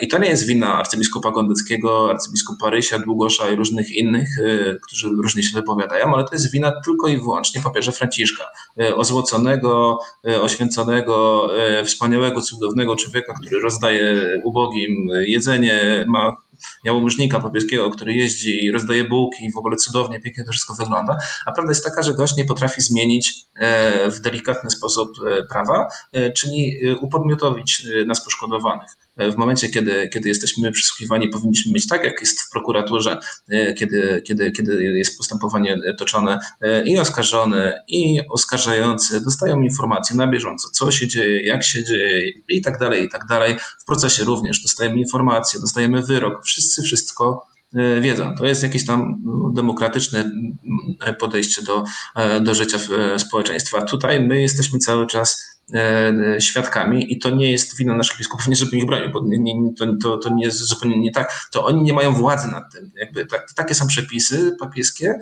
e, watykańskie i, i, i cześć, oni według nich funkcjonują, więc to wina główna, tak na dobrą sprawę, leży w tym, że papież Franciszek nie chce tego zmienić. A nie chce tego zmienić i nie chce ujawniać, dlatego że gdyby te wszystkie sprawy wyszły na światło dzienne i każda taka historia jak moja, taka historia jak, e, jak ta związana z Demerem, i z biskupami, z ich działalnością wychodziły na jaw, to po prostu w kościele nie było 30% katolików, tylko były po prostu 3% katolików, bo nikt nie chciałby po prostu patrzeć na tę instytucję. I tylko z tego powodu, e, moim zdaniem, papież Franciszek nie chce podjąć takich decyzji. E, oczywiście argumentując to pewnie jakimiś bardziej przyzwoitymi E, teoriami. Natomiast nie jest to spojrzenie e, na poszkodowanego i, i idąc tym, tym tokiem myślenia, znaczy oni kiedyś będą do tego punktu musieli dojść, tylko bardzo trudno im do tego punktu e, się, się zmierza, a i tak jak mówisz, ty jesteś bardzo zdeterminowany w swoich działaniach, ja również i takich jak my jest na świecie pewnie tysiące, a jak nie setki tysięcy. I oni i ci ludzie swoimi działaniami będą doprowadzać, że za kilkadziesiąt lat, być może jeszcze więcej, e, właśnie tak te historie będą wyglądać i być może wtedy taki arcybiskup Kondecki będzie musiał przysięgać na Pismo Święte, a ja będę dostawał informację zwrotną jako pokrzywdzony, e, że, że wszystko jest w porządku i będę mógł to ujawnić i powiedzieć, że ten ksiądz zrobił to, to i to, taka jest decyzja. Wszyscy wszystko będą wiedzieć, sprawa będzie e, jasna, ale to mm, myślę, że nie za naszego życia. No to bardzo ciekawe, co powiedziałeś. Ja cię o to zresztą chciałem spytać, bo mm, też e, uderzyło mm, mnie to, co mówiłeś o Franciszku. Ja też zachęcając wszystkich do odsłuchania tamtego podcastu z Piotrem Żyłką, zacytuję ten fragment. Powiedziałeś tak, wydawało mi się, że papież Franciszek jest w stanie w swojej empatii zrozumieć, że to jest duży błąd. Tak naprawdę nie wyjaśniamy tych spraw, tylko podejmujemy takie decyzje jako Kościół, które pozwalają osobom poszkodowanym czy danej społeczności poczuć odrobinę sprawiedliwości. Ale tu nie chodzi o odrobinę, tylko o przedstawienie faktów, opinii publicznej i podjęcie odpowiednich działań. I niestety, drodzy Państwo, odnosząc się do tego, co Kuba powiedział, no, takie rozwiązywanie spraw właśnie to jest coś, mm, co obciąża konto papieża Franciszka. I warto to powiedzieć i dziękuję bardzo, że to powiedziałeś, Jakubie. E, I na koniec, e, mimo że ja życzę Ci, żebyś żył 100 lat i myślę, że taki twardy zawodnik jak Ty ma na to większe szanse niż taki mięczak jak ja. Ale chciałeś z Robertem Fidurą i Wiktorem, e, i, i Wiktorem Poryckim w jednej osobie stworzyć e, fundację, która by bardziej odpowiadała Twoim oczekiwaniom, jeśli chodzi o opiekę nad e, nieumarłymi, nad osobami poszkodowanymi. Ostatnio Robert Fidura, częsty też nasz gość, napisał, że dotarł do ściany. Z czym macie problem i czy jakkolwiek widzisz rozwiązanie wyjścia z sytuacji? Co wy w ogóle wymyśliliście? Jakby, co uważacie, że jest najważniejsze? To już jest ostatnie moje pytanie na dziś. Hmm. Znaczy ja mam, mam, mam podobne odczucia mm, do Roberta, też e, czuję, że jestem przy ścianie. Znaczy, moim pomysłem przynajmniej na, na, na założenie fundacji czy stowarzyszenia było stworzenie e, takiej przestrzeni, gdzie, gdzie, gdzie znaczy nie chciałem bezpośredniej pomocy dla poszkodowanych. Jakby mnóstwo jest takiej fundacji, gdzie, gdzie pomoc i finansowa, i psychologiczna, i, i prawna. E, jest już tego dużo. Naprawdę ludzie, którzy są pokrzywdzeni, mogą to e, jakby bez problemu znaleźć. Więc ja, ja bardziej myślałem o o, o, o byciu takim głosem ludzi pokrzywdzonych, czyli właśnie o współpracy z różnymi jednostkami, czy to państwowymi, czy to kościelnymi, jakby mm, w przedstawianiu głosu szerszej, szerszej grupy ludzi poszkodowanych. Natomiast przez ten rok, oprócz takich doświadczeń, które, które miałem właśnie z biskupami, czy, czy choćby z komisją do spraw pedofilii, o której mimo wszystko będę pozytywnie się wypowiadał cały czas, bo, bo, bo robią na mnie duże wrażenie w ramach swoich kompetencji oczywiście, to mm, zdałem sobie sprawę, że jakby nie ma specjalnie z kim mm, współpracować, bo no, oprócz tej komisji, która właśnie bardzo pozytywnie odpowiedziała na nasz pomysł stworzenia czegoś i, i, i wyrażali nawet chęć e, współpracy, jeśli, jeśli rzeczywiście coś takiego e, powstanie, e, to oprócz tego nikt takiego, takiej chęci nie, nie wyraził. Co więcej, wśród poszkodowanych jest tak zróżnicowana grupa osób, że E, że trudno być głosem poszkodowanych. Wiesz, e, to jest tak, że my mamy takie zdanie, nagle pojawia się ktoś, kto mówi, że nie mamy prawa tak mówić, bo on czuje zupełnie inaczej. Nagle się okazuje, że ktoś mówi jakieś świadectwa, które są z pogranicza e, jego doświadczeń związanych z molestowaniem, a jego doświadczeń religijnych, jakby miesza strasznie jedno z drugim. To jest bardzo też trudne dla mnie, no bo to jest jego świat i muszę go uszanować. Wypowiada się ktoś, kto zupełnie mówi, że nie powinniśmy publicznie o tym mówić, bo to jest tylko i wyłącznie ataki na łąka na Kościół i tak dalej, i tak dalej. Tych głosów jest bardzo, e, bardzo dużo. Jakby przez ten rok zdałem sobie sprawę, że nie jestem w stanie, i pewnie Robert też nie, nie jest w stanie, jakby zebrać tych ludzi i wyprowadzić jakiś wspólny mianownik, który można byłoby przedstawiać w dyskusjach, e, nie wiem, choćby nad nowymi pomysłami, jeśli chodzi o rozwiązania prawne, czy nad nowymi rozwiązaniami, jeśli chodzi o, o przestrzeń kościelną, e, bo tam nikt nie chce nas e, słuchać, no może poza rozwiązaniami prawnymi, rozwiązaniami prawnymi bo wydaje mi się, że, że mielibyśmy pewnie coś do powiedzenia, a w kościele jakby nie mieliśmy takiego czucia, że ktoś chce z nami być. Gdybyśmy zostali po tamtej stronie i mówili tamtym językiem, e, to oczywiście pewnie jakaś współpraca byłaby, ale to byłaby pewnie współpraca taka, jaką e, miał Robert w ramach Fundacji Świętego Józefa, w której, e, gdzie był w Radzie tej fundacji, czyli byłyby to pewnie jakieś głosowania nad czymś, co, co i tak jest oczywiste, że będzie przegłosowane, ale jakby E, jego głos nie był wiążący. Tak? No, nie, nie, mógł wstać i powiedzieć, słuchajcie, tak i tak nie może być, albo tak i tak jest źle.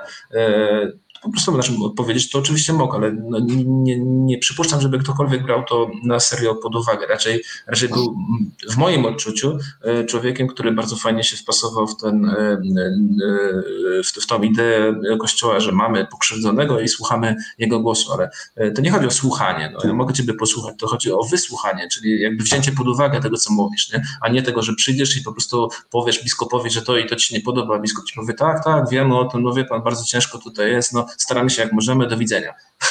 No po prostu to nie jest, to nie jest słuchanie drugiego człowieka, to jest po prostu jakieś, jakieś w ogóle coś, coś dziwnego. Także ja mam poczucie, że nie, nie ma z kim, nie ma jak i, i Mm, I później, jak już właśnie rozwinęły się i rozwinęli się i zranieni w kościele, i, i ta fundacja, i, i, też ta komisja, i mnóstwo innych historii, zdałem sobie sprawę, że, że już chyba niespecjalnie jestem jakby do tego wszystkiego potrzebny, bo tą przestrzeń, którą ja chciałem wypełnić, y, wypełnili już inni, y, a ja nie chcę też robić czegoś y, na siłę, a nie, nie jestem na tyle sprawny też społecznie, żeby ogarnąć tak zróżnicowaną grupę osób. A jakby samo pomaganie na zasadzie zorganizowania prawnika, czy zorganizowania pieniędzy, czy podania jakichś tam adresów, nie wiem, ludzi, znajomych i tak dalej, którzy mogą pomóc, no to jakby robię to na co dzień, nie jest mi do tego potrzebna fundacja czy, czy, czy stowarzyszenie, więc no dla mnie trochę upadł, ale tak jak w zeszłym roku miałem pomysł, żeby to zrobić, tak w tym roku już y, mniej mam zainteresowania jakby tym tematem, znaczy tematem tak, ale, ale tym pomysłem,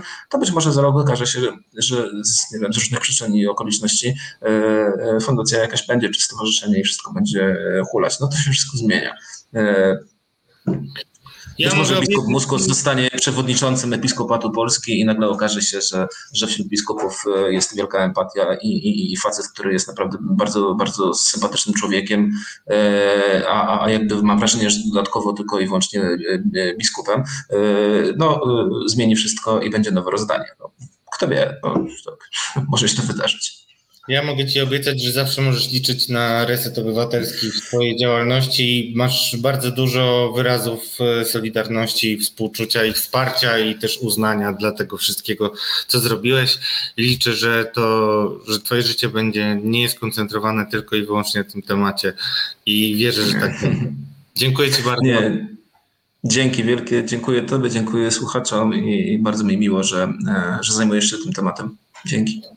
Dziękuję Kuba. Naszym gościem był Jakub Pankowiak, a my teraz robimy krótką przerwę, po której będziemy mieli już całe zacne grono wyjątkowych gości i gości, moi drodzy. Czekajcie, bo już niedługo Laura Kwoczała, Alina Czyżniewska i tak, Maciej Rauchut, to wesołe grono, opowie nam o niewesołym spotkaniu z ministrem konstytucyjnym edukacji narodowej Przemysławem Czarnkiem. To już za chwilę, chwila muzyki.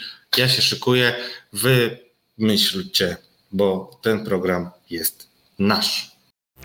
Słuchasz Resetu Obywatelskiego. Reset Obywatelski. Medium, które tworzysz razem z nami. Komentuj, pisz i wspieraj. Jasność, widzę jasność. Dzień dobry, Radosław Gruca, dobry wieczór. Katarzis w resecie obywatelskim. Przechodzimy do e, ostatniej części naszej dzisiejszej audycji i wyjątkowi goście. Naprawdę wyjątkowi, bo kiedy ja już będę odpoczywał i będę gdzieś wysoko albo nisko, to oni będą e, przyszłością tej ziemi, drodzy Państwo. I taką przyszłością będzie nasza e, gościni oraz jej towarzysze, może trochę nawet broni. E, Laura Kwoczała z Partii Zielonych jest już z nami. Dobry, Dobry wieczór, cześć. Bardzo miło Cię widzieć. A sekundantami oraz towarzyszami broni będą Alina Czyżewska, znana Wam zresztą koleżanka z Resetu i Maciej Rauchut. Bardzo mi miło Was widzieć. Dobry wieczór. Przepraszam, ale ja teraz muszę się wciąć, ponieważ tutaj doszło do naruszenia jakichś dóbr osobistych, moich osobistych. E, no, Radku, przypominam ci, jestem starsza od ciebie. Dobra, ale ty jesteś królową, a królowie są nieśmiertelni. Ja jestem z okay, no dobra. Moi drodzy, Idziemy adrem. Na początek chciałbym bardzo poprosić, mam nadzieję, że o, okej, okay, mam, pisze do mnie wspaniała nasza realizatorka Asiator, więc ja bym poprosił, żebyś wrzuciła tak największe, jak się da, zdjęcie z opisu dzisiejszego wydarzenia i zrobimy taki mały plebiscyt dla osób oglądających. Mianowicie, już widzicie, minister, słuchajcie, to jest w ogóle nieważne skąd to jest, bo to jest Radio Erewań tak naprawdę, bo jest tak, minister edukacji spotkał się z przedstawicielami forum LGBT+. I tak patrzę na to zdjęcie i też zachęcam was, żebyście zbliżyli swoje twarze do monitorów i popatrzyli, gdzie jest minister Czarnek, bo ja tam widzę Laurę, e, dwoje twoich kolegów, e, kolegę i koleżankę. Widzę chyba nawet, e, widzę rzeczniczkę Ministerstwa Edukacji Narodowej, która kiedyś inne zdjęcia pokazywała swoje w sieci, ale to nieważne. Widzę też wiceministra edukacji pana Rzymkowskiego, o którym pewnie dwa słowa powiemy. No i drodzy, gdzie tutaj jest minister Czarnek? No gdzie? Czy ktoś widzi, proszę, będzie nagroda, jeżeli znajdziecie ministra Czarnka, bo ja go jakoś nie widzę. Lauro, powiedz mi, gdzie jest minister Czarnek, ten, który właśnie się spotkał, tak? Spotkał się, znaczy inna sprawa, że z przedstawicielami Młodzieżowego Forum, no okej, okay, nie zmieściło się, wiadomo, ale ja go nie widzę. Gdzie on jest, Lauro? Powiedz mi, gdzie on jest? Uwaga, uwaga, uchylam rąbkę tajemnicy. Pan minister jest na lewo, e, tutaj na zdjęciu go nie widać, gdyż łączył się z nami zdalnie na minut 30. A, 30. No to skrzywdziłem go, pisałem, że 20, bo mnie zawsze się trochę tam... 20, 30 to tam...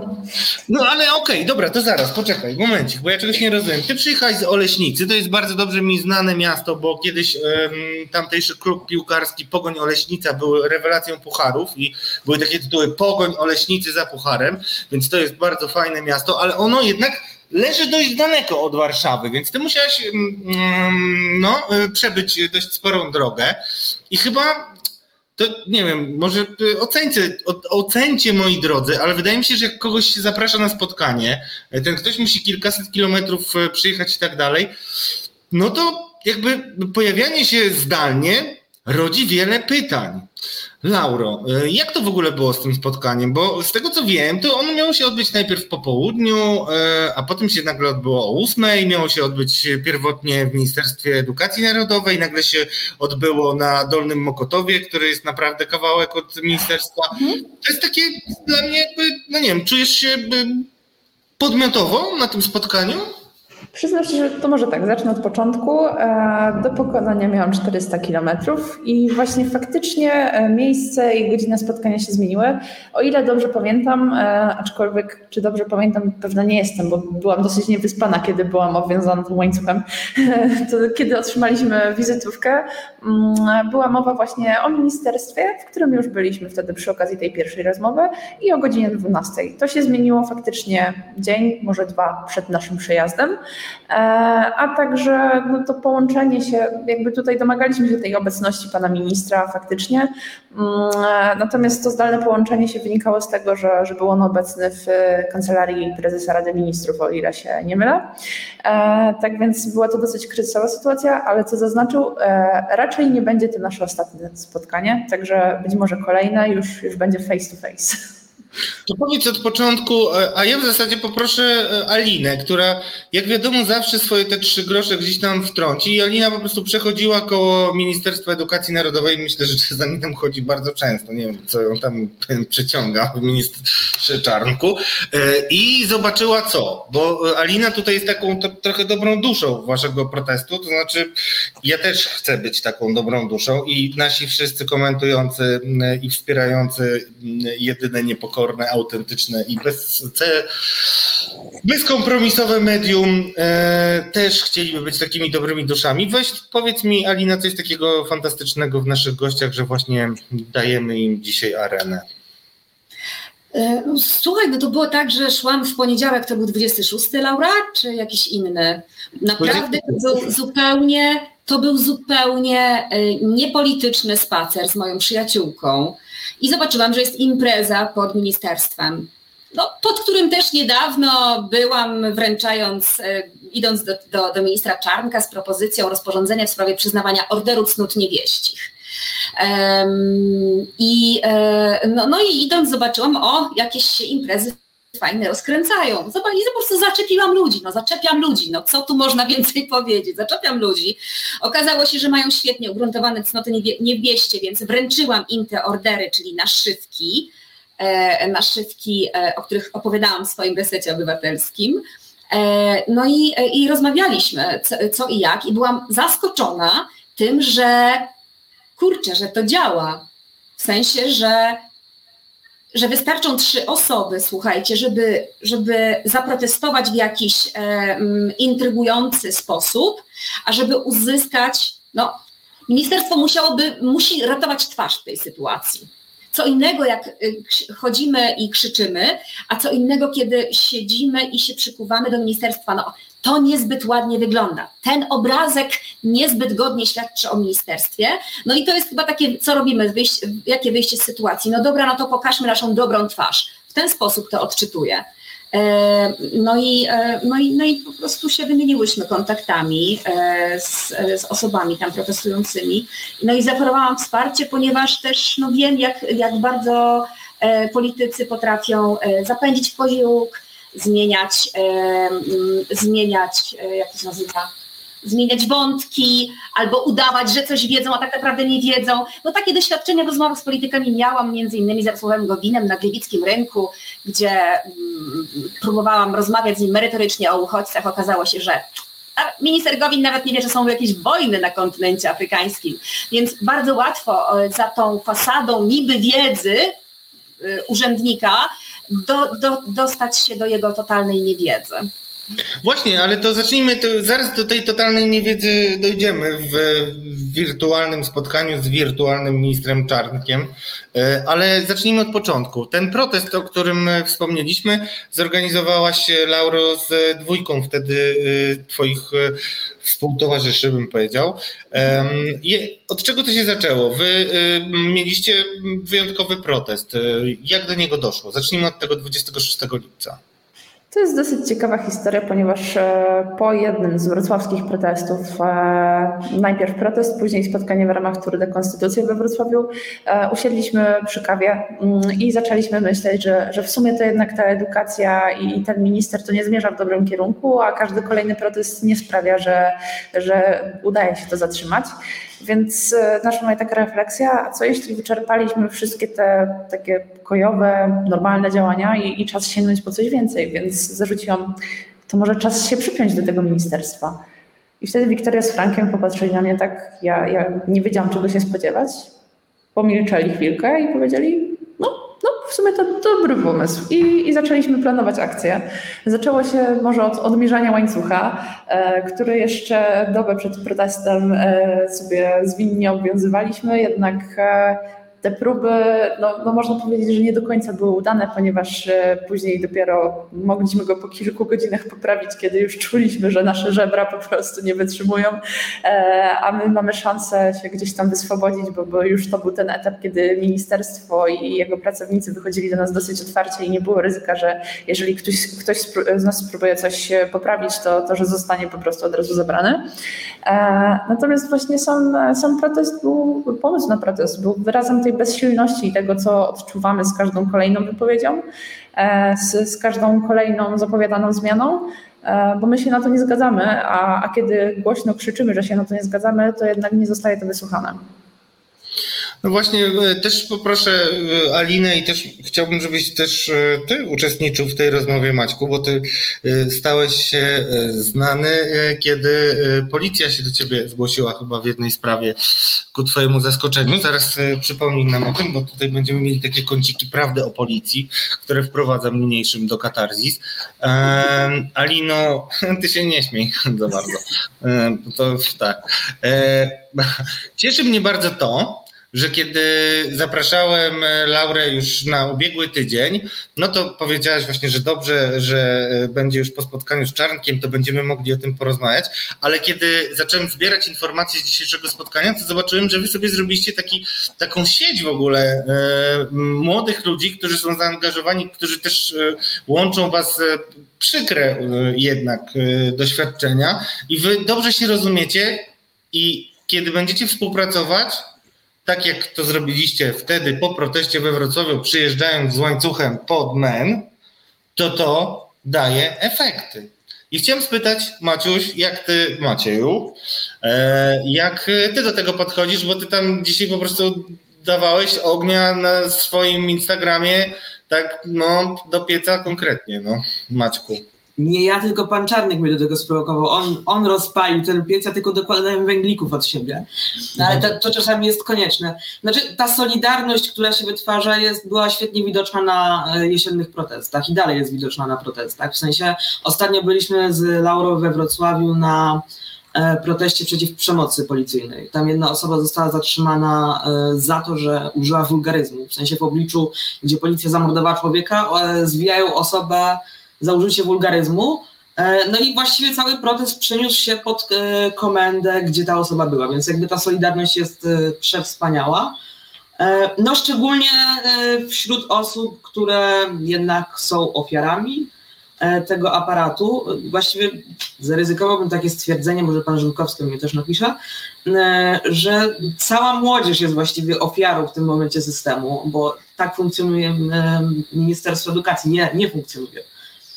Tak, to, to, to znaczy już nawet przypominałem wszystkim Państwu, bo jest to bardzo moim zdaniem wiele mówiąca liczba. 3% to jest właśnie poparcie dla e, obecnej ekipy rządowej w grupie najmłodszych e, wyborców. 3%. To naprawdę zwiastuje pewne kłopoty dla niektórych e, starszych panów, którzy starają się narzucić różne rzeczy. Lauro, wracam do spotkania z Czartkiem. Z czym ty szłaś razem z twoim kolegą Frankiem i Wiktorią do Czartka, bo wy nie poszliście tam sobie popatrzeć na ekran, na którym będzie przemawiał Czarnek, bo możecie to robić w innych e, warunkach, tylko mieliście bardzo konkretną agendę, konkretną listę rzeczy, które chcecie przedstawić i załatwić. Lauro, co chcieliście załatwić?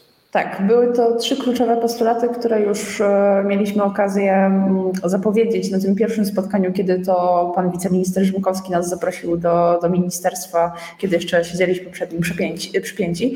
Mm, natomiast były to takie postulaty, które, które wynikają z tego głosu społecznego, czyli pierwszym i kluczowym była natychmiastowa dymisja ministra Czarnka. E, tutaj już na pierwszym spotkaniu oczywiście padło stwierdzenie, że, że jest to raczej niewykonalne. Także z naszej strony, kiedy się upewnialiśmy, czy, czy na pewno jest to niewykonalne, to, to już padło takie porozumienie, że obie strony wiedziały, że, że jednak e, no, no nie jest to coś, e, co, co leży w gestii ministerstwa, nie jest to, to coś, do czego są oni skłonni. Natomiast e, właśnie w tym pierwszym postulacie jeszcze mieści się taki podpostulat, który jest równie ważny, czyli wzięcie odpowiedzialności za wszelkie swoje krzywdzące wypowiedzi, wypowiedzi skierowane w mniejszości i publiczne przeprosiny. E, może, może tak będę omawiać każdy postulat i nawiązywać do tego, co dzisiaj miało miejsce. I właśnie z racji tego, że był to ten pierwszy kluczowy postulat, który prezentowała Wiktoria Magnuszewska, um, Przyznam szczerze, że ja Wiktorię podziwiam za taką cierpliwość, bo Wiktoria cytowała wypowiedzi pana ministra, które padały na e, antenie na przykład programu TVP, e, które gdzieś padały w mediach i jednak za każdym razem odpowiedź była ta sama. Ja państwa szanuję, Państwo nie są ideologią. Ideologia LGBT, osoby LGBT to są dwie różne rzeczy. E, I ideologia to jest dla mnie to, o czym mówiłem w tym programie, czyli ja mówiłem o tym zdjęciu, które wykonałem w Los Angeles e, na paradzie i to jest daleko idąca dewiacja. Też e, pozwolę sobie zacytować te wypowiedzi, ponieważ jedna z osób, która była z nami obecna, dbała o to, aby, aby jednak te tweety na bieżąco się pojawiały. Mm, padły słowa takie jak to, że ideologia LGBT zagraża rodzinie, zagraża Polsce. Nic nowego. E, także to, że ideologia LGBT wyrasta z ideologii marksizmu, to również nic nowego, o tym też słyszeliśmy.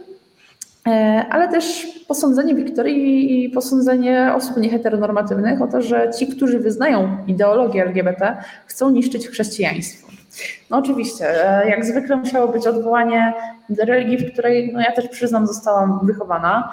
E, do religii no, też Wiktoria sama e, uczęszczała do katolickiej szkoły i cały czas po prostu była posądzana o to, że, że gdzieś tam jednak zależy jej na tym, żeby tę religię katolicką, chrześcijańską no, zniszczyć w jakiś sposób, a, a to nie było celem.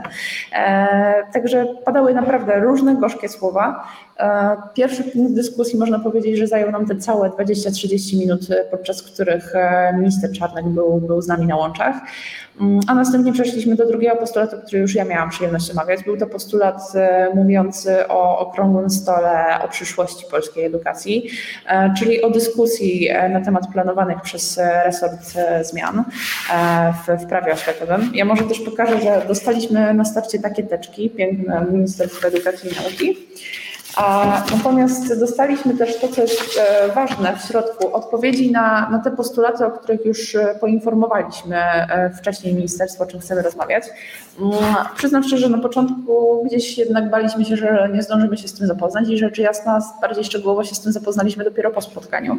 Natomiast był to... Co tam jest w odpowiedziach? Powiedz nam, czy, czy coś szczególnie zdumiało? E, tak, to co mnie tutaj uderzyło to fakt, że wszystkie zmiany programowe i strukturalne w systemie oświaty wprowadzane w 2017 roku poprzedzone były wieloma dyskusjami i publicznymi debatami.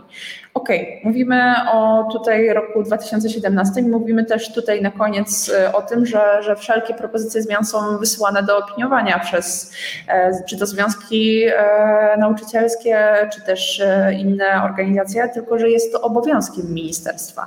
Tak więc ja tutaj niejednokrotnie podkreślam, że ten okrągły stół to jest szansa przede wszystkim na, na dialog i jakiego dotychczas nie było. E, na to, że, że w końcu te reformy nie zostaną przypchnięte tak jak wiele innych zmian, tylko będzie można o nich faktycznie porozmawiać. Powiedziałam, że zależy mi na tym, żeby była równa ilość ze strony, e, osób ze strony ministerstwa i równa ilość osób ze strony społecznej, e, żeby to było wypracowane wspólnie. Tutaj akurat już rozmawiałam z panem wiceministrem Rzymkowskim. On powiedział, że jest to całkiem dobry pomysł, także poprosił mnie o szczegóły, jakbym to konkretnie widziała taki już już stricte konspekt tego i, i będziemy to wypracowywać. Więc był to postulat, który się spotkał z dosyć pozytywnym odbiorem. Trzeci, już ostatni postulat, no to były braki w edukacji. Mm, tutaj się podzieliłam wspólnie z Frankiem Brodą e, na pół, dlatego że Franek skupił się na edukacji seksualnej, ja skupiłam się na edukacji ekologiczno-klimatycznej. Mm, tak więc e, Franek tutaj dosyć szczegółowo ten temat e, rozwinął. Dyskutował akurat z, z panem, który którego, przepraszam, nazwiska nie pamiętam jednak, e, aczkolwiek e, nie, e, tutaj zarówno z, z obydwoma przedstawicielami ministerstwa, mm, więc, więc była to dosyć długa dyskusja do tego stopnia, że ostatnie 15 minut spotkania, gdyż pan wiceminister też musiał uciekać na kolejne spotkanie, mm, zostało poświęcone edukacji ekologiczno-klimatycznej. No, no 15 minut to jest szczególnie krótki czas jak na tak rozległy temat, natomiast to, co udało mi się powiedzieć i mam nadzieję, że zostanie też tutaj takie zapewnienie padło, że ja powiedziałam, że cieszę się, że e, ministerstwo zaczęło współpracować z Ministerstwem Klimatu i Środowiska, że są podejmowane te inicjatywy. Jednak należy pamiętać o tym, że nie możemy mówić o, o żadnym, e, żadnej ideologii ekologizmu, sprowadzać tego oczywiście na wiecznie negatywne tory, że, że ta e, jednak opozycja, ci co są nam przeciwni to, to zło najgorsze, tylko skupić się na tym, co jest faktycznym, palącym problemem na faktach, czyli raporcie IPCC, które, o którym powiedziałam, że, że jednak do 2030 roku potrzebujemy ograniczyć emisję o te 45%, a do 2050 uzyskać zeroemisyjność. I tutaj e, był to spory entuzjazm ze strony pana wiceministra, tak samo jak to, że, e, że odwołałam się do przykładu de facto z własnej rodziny, do mojego wujka, który mieszka w Niemczech i który przeżył tę okropną powódź, którą obserwowaliśmy na ekranach telewizorów. E, jedna tylko rzecz, żeby nasi słuchacze to zrozumieli, bo też jakby te przekazy, które się pokazały, e, wy informowaliście e, na Twitterze właśnie, zaraz podam nazwę konta, żeby nie zmienić, chociaż ty na pewno pamiętasz, więc możesz z głowy powiedzieć, i informowaliście o przebiegu spotkania na Twitterze i między innymi stamtąd wiemy, że usiłowaliście zrozumieć to, co minister edukacji narodowej rozumie przez ideologię e, LGBT. I co usłyszeliście?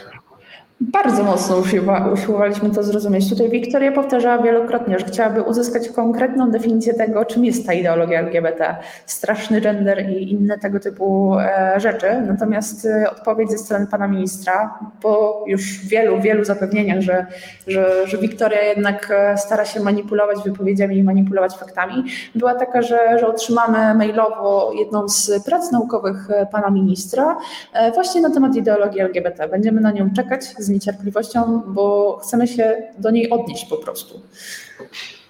Tak, widzimy właśnie te, ten e, tweet e, i Wiktoria napisała tak, Wiktoria Magnuszewska, właśnie jedna z e, trzech osób, które były na spotkaniu.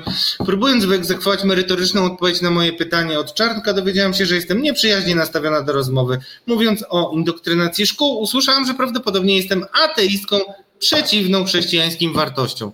No to jest bardzo rozmowa na temat, zdecydowanie. E, znaczy tak, takie, tak na temat, e, jak nas przyzwyczaili nasi e, politycy. A ty jesteś tą, tą mm, spokojniejszą stroną osób protestujących umiesz zachować spokój, merytorycznie i tak dalej. Łukasz, e, Boże Łukasz, Maciek, przepraszam, e, natomiast e, dawał do pieca i chciałem, żebyś powiedział coś więcej właśnie odnośnie tego twojego gniewu, który ty masz bardzo wyraźnie wyartykułowany na swoim Instagramie, bo, bo to, to, co was łączy, i ten gniew i spokój, to łączy was bunt, czyli niezgoda na to, co widzicie i słyszycie od człowieka, który ma odpowiadać za edukację młodzieży, czyli za, za was. Laura, e, skończyłaś, e, znaczy zdałaś maturę, Maciek to jeszcze ma przed sobą, ale to wy powinniście być pierwszymi partnerami e, do rozmowy. Maćku, powiedz mi, dlaczego ty jesteś bardziej taki radykalny i co cię jeszcze bardziej wkurza, bo też chciałem o twoich, o waszych wspólnych doświadczeniach z mm, aparatem opresji za chwilę porozmawiać. Dlaczego ty jesteś taki wkurzony, mój drogi lewaku? Znaczy, znaczy, wiesz co, jeżeli mamy ministra, który na spotkaniu mówi, że on nie widzi przykładów e, dyskryminowania osób LGBT, a broni taką osobę jak kuratorka e, e, Małopolski, Barbarę Nowak, która te homofobiczne hasła głosi e, kilka dobrych lat, nie oszukujmy się. Jeżeli e, żyjemy w państwie, w którym minister edukacji e, wywala, zwalnia profesora, bo nazwał Kukiza sprzedajną szmatą, Przepraszam, zgadzam się z tym. Nie wiem, czy mnie może pan e, minister wyrzuci ze szkoły, może. E, to coś tu jest nie tak. To znaczy, ja do pewnego momentu byłem bardzo opanowany. Nie wiem, jak Laura długo tak podtrzymuje swoje opanowanie, to zazdroszczę, e, ale w pewnym momencie jakby czara się przelała. W sensie, jeżeli powtarzasz jednemu człowiekowi cały czas to samo, a on brnie w swoje, no to nie ma innego wyjścia niż powiedzenie mu jasno w twarz, to nie jest normalne, co ty robisz. W sensie, to, jest, to są zwykłe idiotyzmy, które ranią ludzi, którzy, które doprowadzają e, młode osoby do prób samobójczych bardzo często, do, do samobójstw. E, no, jakby... wiem, ty o tym pisałeś też za sekundę. E, znaczy nie, to, to jest dobry moment, żeby do, do tego wrócić, bo też w ostatnich, ja czytałem e, twoje posty i to dla mnie było niesamowite doświadczenie, ponieważ wiecie, ja, ja jednak tam śledzę różne tam jakieś afery i tak dalej i nie, nie, zawsze mogę obsługiwać wszystko, co bym chciał i widzieć i kiedy przygotowywałem się do programu, zobaczyłem, że ta wasza sieć naprawdę jest wieloośrodkowa, ale też, że, umie, że coraz lepiej pokazujecie nam, jak rzeczywiście społeczeństwo obywatelskie powinno wyglądać e, realnie. I dlatego właśnie dzisiaj jesteście gwiazdami resetu obywatelskiego, bo to obywatelstwo nasze musi się zrestartować, żeby być skuteczne. I największą e, nadzieją moją jest właśnie obserwowanie Was. Ty, e, Maćku, pisałeś ostatnio między innymi o psychiatrii dziecięcej. E, po tekście o Garwolinie, z którym zresztą e, Alina e, robiła program o tym tekście. I też chciałbym, żebyście razem powiedzieli o tym, bo Alina zwracała uwagę na to, jak można reagować w takich sytuacjach zreferuj Alino, bo ty masz pamięć e, dłuższą trochę niż e, moja, ale e, mówiłaś o tym w swoim programie Kto pyta, ten rządzi, o Garwolinie. I Maciek też po tym, jak napisał kilka postów na Instagramie, widziałem, że zgłosiły się do ciebie osoby, które miały, też były pacjentami w Garwolinie i też sygnalizowały ci różne nieprawidłowości. Najpierw Alina wstępnie powie, co w Garwolinie było nie tak, a potem Maciek powie o tym, dlaczego o tym napisał i jak zareagował zareagował na y, i, i z, jaką, z jakim odzewem się spotkałeś? Z Garwolinem to y, no, tutaj trzeba się odwołać do, y, do tego reportażu Nosza Szwetnera, Piżamki, E, natomiast my w sieci obywatelskiej Watchdog Polska dostaliśmy e, wcześniej, parę tygodni wcześniej, zapytanie, e, prośbę o pomoc, czy cokolwiek można zrobić w sprawie dziecka tej pani, która się nas zgłosiła, która tam, które tam jest umieszczone na oddziale psychiatrycznym. I no, oczywiście my możemy dużo zrobić. To może taki krótki przewodnik, co robić. Przede wszystkim nie milczeć, E, jeżeli w jakimkolwiek szpitalu odmawiają nam wejścia, bo coś tam, pytamy o podstawę prawną. na jakiej podstawie prawnej jest zakazane nam wejście, kontakt z naszą osobą bliską, chorą i tak dalej. Czasami ktoś ma problemy również z wyjściem ze szpitala. No, no, mój kolega miał takie doświadczenie, że też miał problem, żeby w ogóle wyjść ze szpitala jako osoba zdrowa, która tam była przez chwilę. Chciał, chciano przedłużyć jego pobyt, nie wiem dlaczego, to akurat nie był oddział covidowy. Również pytamy, jaka jest podstawa prawna? Jakaś tam ustawa. Nie, to jeszcze nie koniec. Jaka dokładnie ustawa? Który artykuł ustawy? Ponieważ organy władzy publicznej i e, podmioty publiczne mogą działać na podstawie i w granicach prawa. Nie mogą nam zabronić kontaktu z naszą rodziną, nie mogą nas wzbronić wstępu, bo tak. Na wszystko musi być jakieś zarządzenie, rozporządzenie, zarządzenie dyrektora. Poza tym zgłaszajmy tego typu rzeczy, ponieważ ta patologia nie dotyczy tylko i wyłącznie garwolina. My traktujemy, że to się pojawia jako takie jednostkowe, wydaje nam się, że to jest jednostkowa patologia. Nie. Cały nasz system jest przeżarty tą patologią, ponieważ ja co chwilę dostaję informacje, prośby o tym, że źle się traktuje e, ludzi e, w różnych miejscach, również we Wrocławiu, w szpitalu, czy w ośrodku, e, w jakimś ośrodku pomocy społecznej. My jesteśmy w ogóle jakimś społeczeństwem przeżartym pogardą do siebie. I jeżeli tylko dostajemy władzę, taką właśnie będąc pielęgniarzem, czy lekarką, e, czy ordynatorem, e, dajemy sobie prawo do upokarzania innych, do traktowania innych źle. To nie, jest nie tylko, to nie jest nie tylko nieeleganckie i niemoralne, to jest również niezgodne z prawem, ale żeby można było coś z tym zrobić, piszmy. Nie udawajmy, że się nic nie stało. Nie machajmy ręką, dobra, było, już zapomnijmy o tym.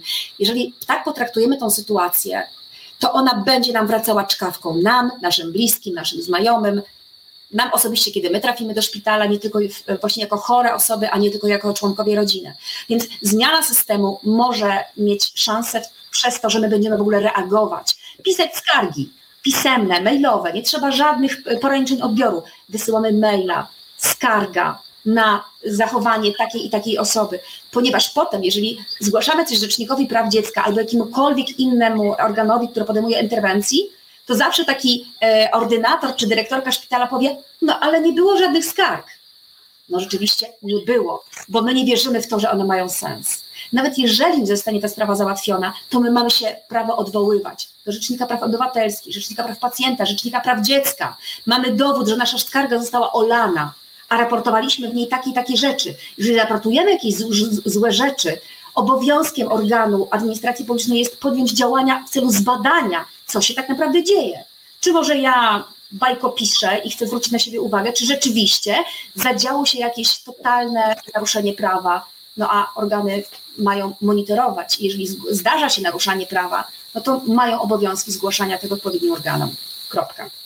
Dobrze, teraz Maćku powiedz mi, bo to mnie bardzo zaintrygowało. Ja jeszcze nie dojrzałem do tego, żeby zrobić materiał taki, który byłby naprawdę czymś wyjątkowym, jeśli chodzi o psychiatrię dziecięcą, ale chciałbym, żebyś nam na tej kanwie, na, na tym Twoim doświadczeniu osób, które do Ciebie pisały z przeszłością, które w przeszłości były w Garwolinie, powiedział nam, jak w ogóle Wasza działalność, czy Wy czujecie ten feedback tak zwany, czyli tą odpowiedź e, ludzi, którzy widzą, że wy coś robicie i piszą, nie wiem, albo o swoich problemach, albo jakoś otwierają się dzięki wam, albo właśnie mają nadzieję. Nie są taką hejterską po prostu owczym pędem, który jest na ten, tylko jednak biorą e, tą, e, znaczy podejmują ten trud, e, wchodzą w DM i piszą do was dokładnie do Maćka, do Laury, e, do Wiktorii, i do Franka, i do wielu, wielu innych. I, czy ty to czujesz, Maciek, i, i, i co ci to daje? Znaczy, y, to jest mega odczuwalne. Znaczy, to pokazuje też skalę problemu, tak? W sensie, jeżeli y, mój post ma średnio 400 polubień, średnio, to jest maksymalny próg, średni, y, a post o Garwolinie ma 2200 polubień i w ciągu trzech dni zgłosiło się 15 osób z różnych szpitali psychiatrycznych, których kazano im czytać pana Tadeusza za to, że mówił o swoich problemach. E, kazano im e, nosić pasiaki, dokładnie tak jakby w obozach koncentracyjnych.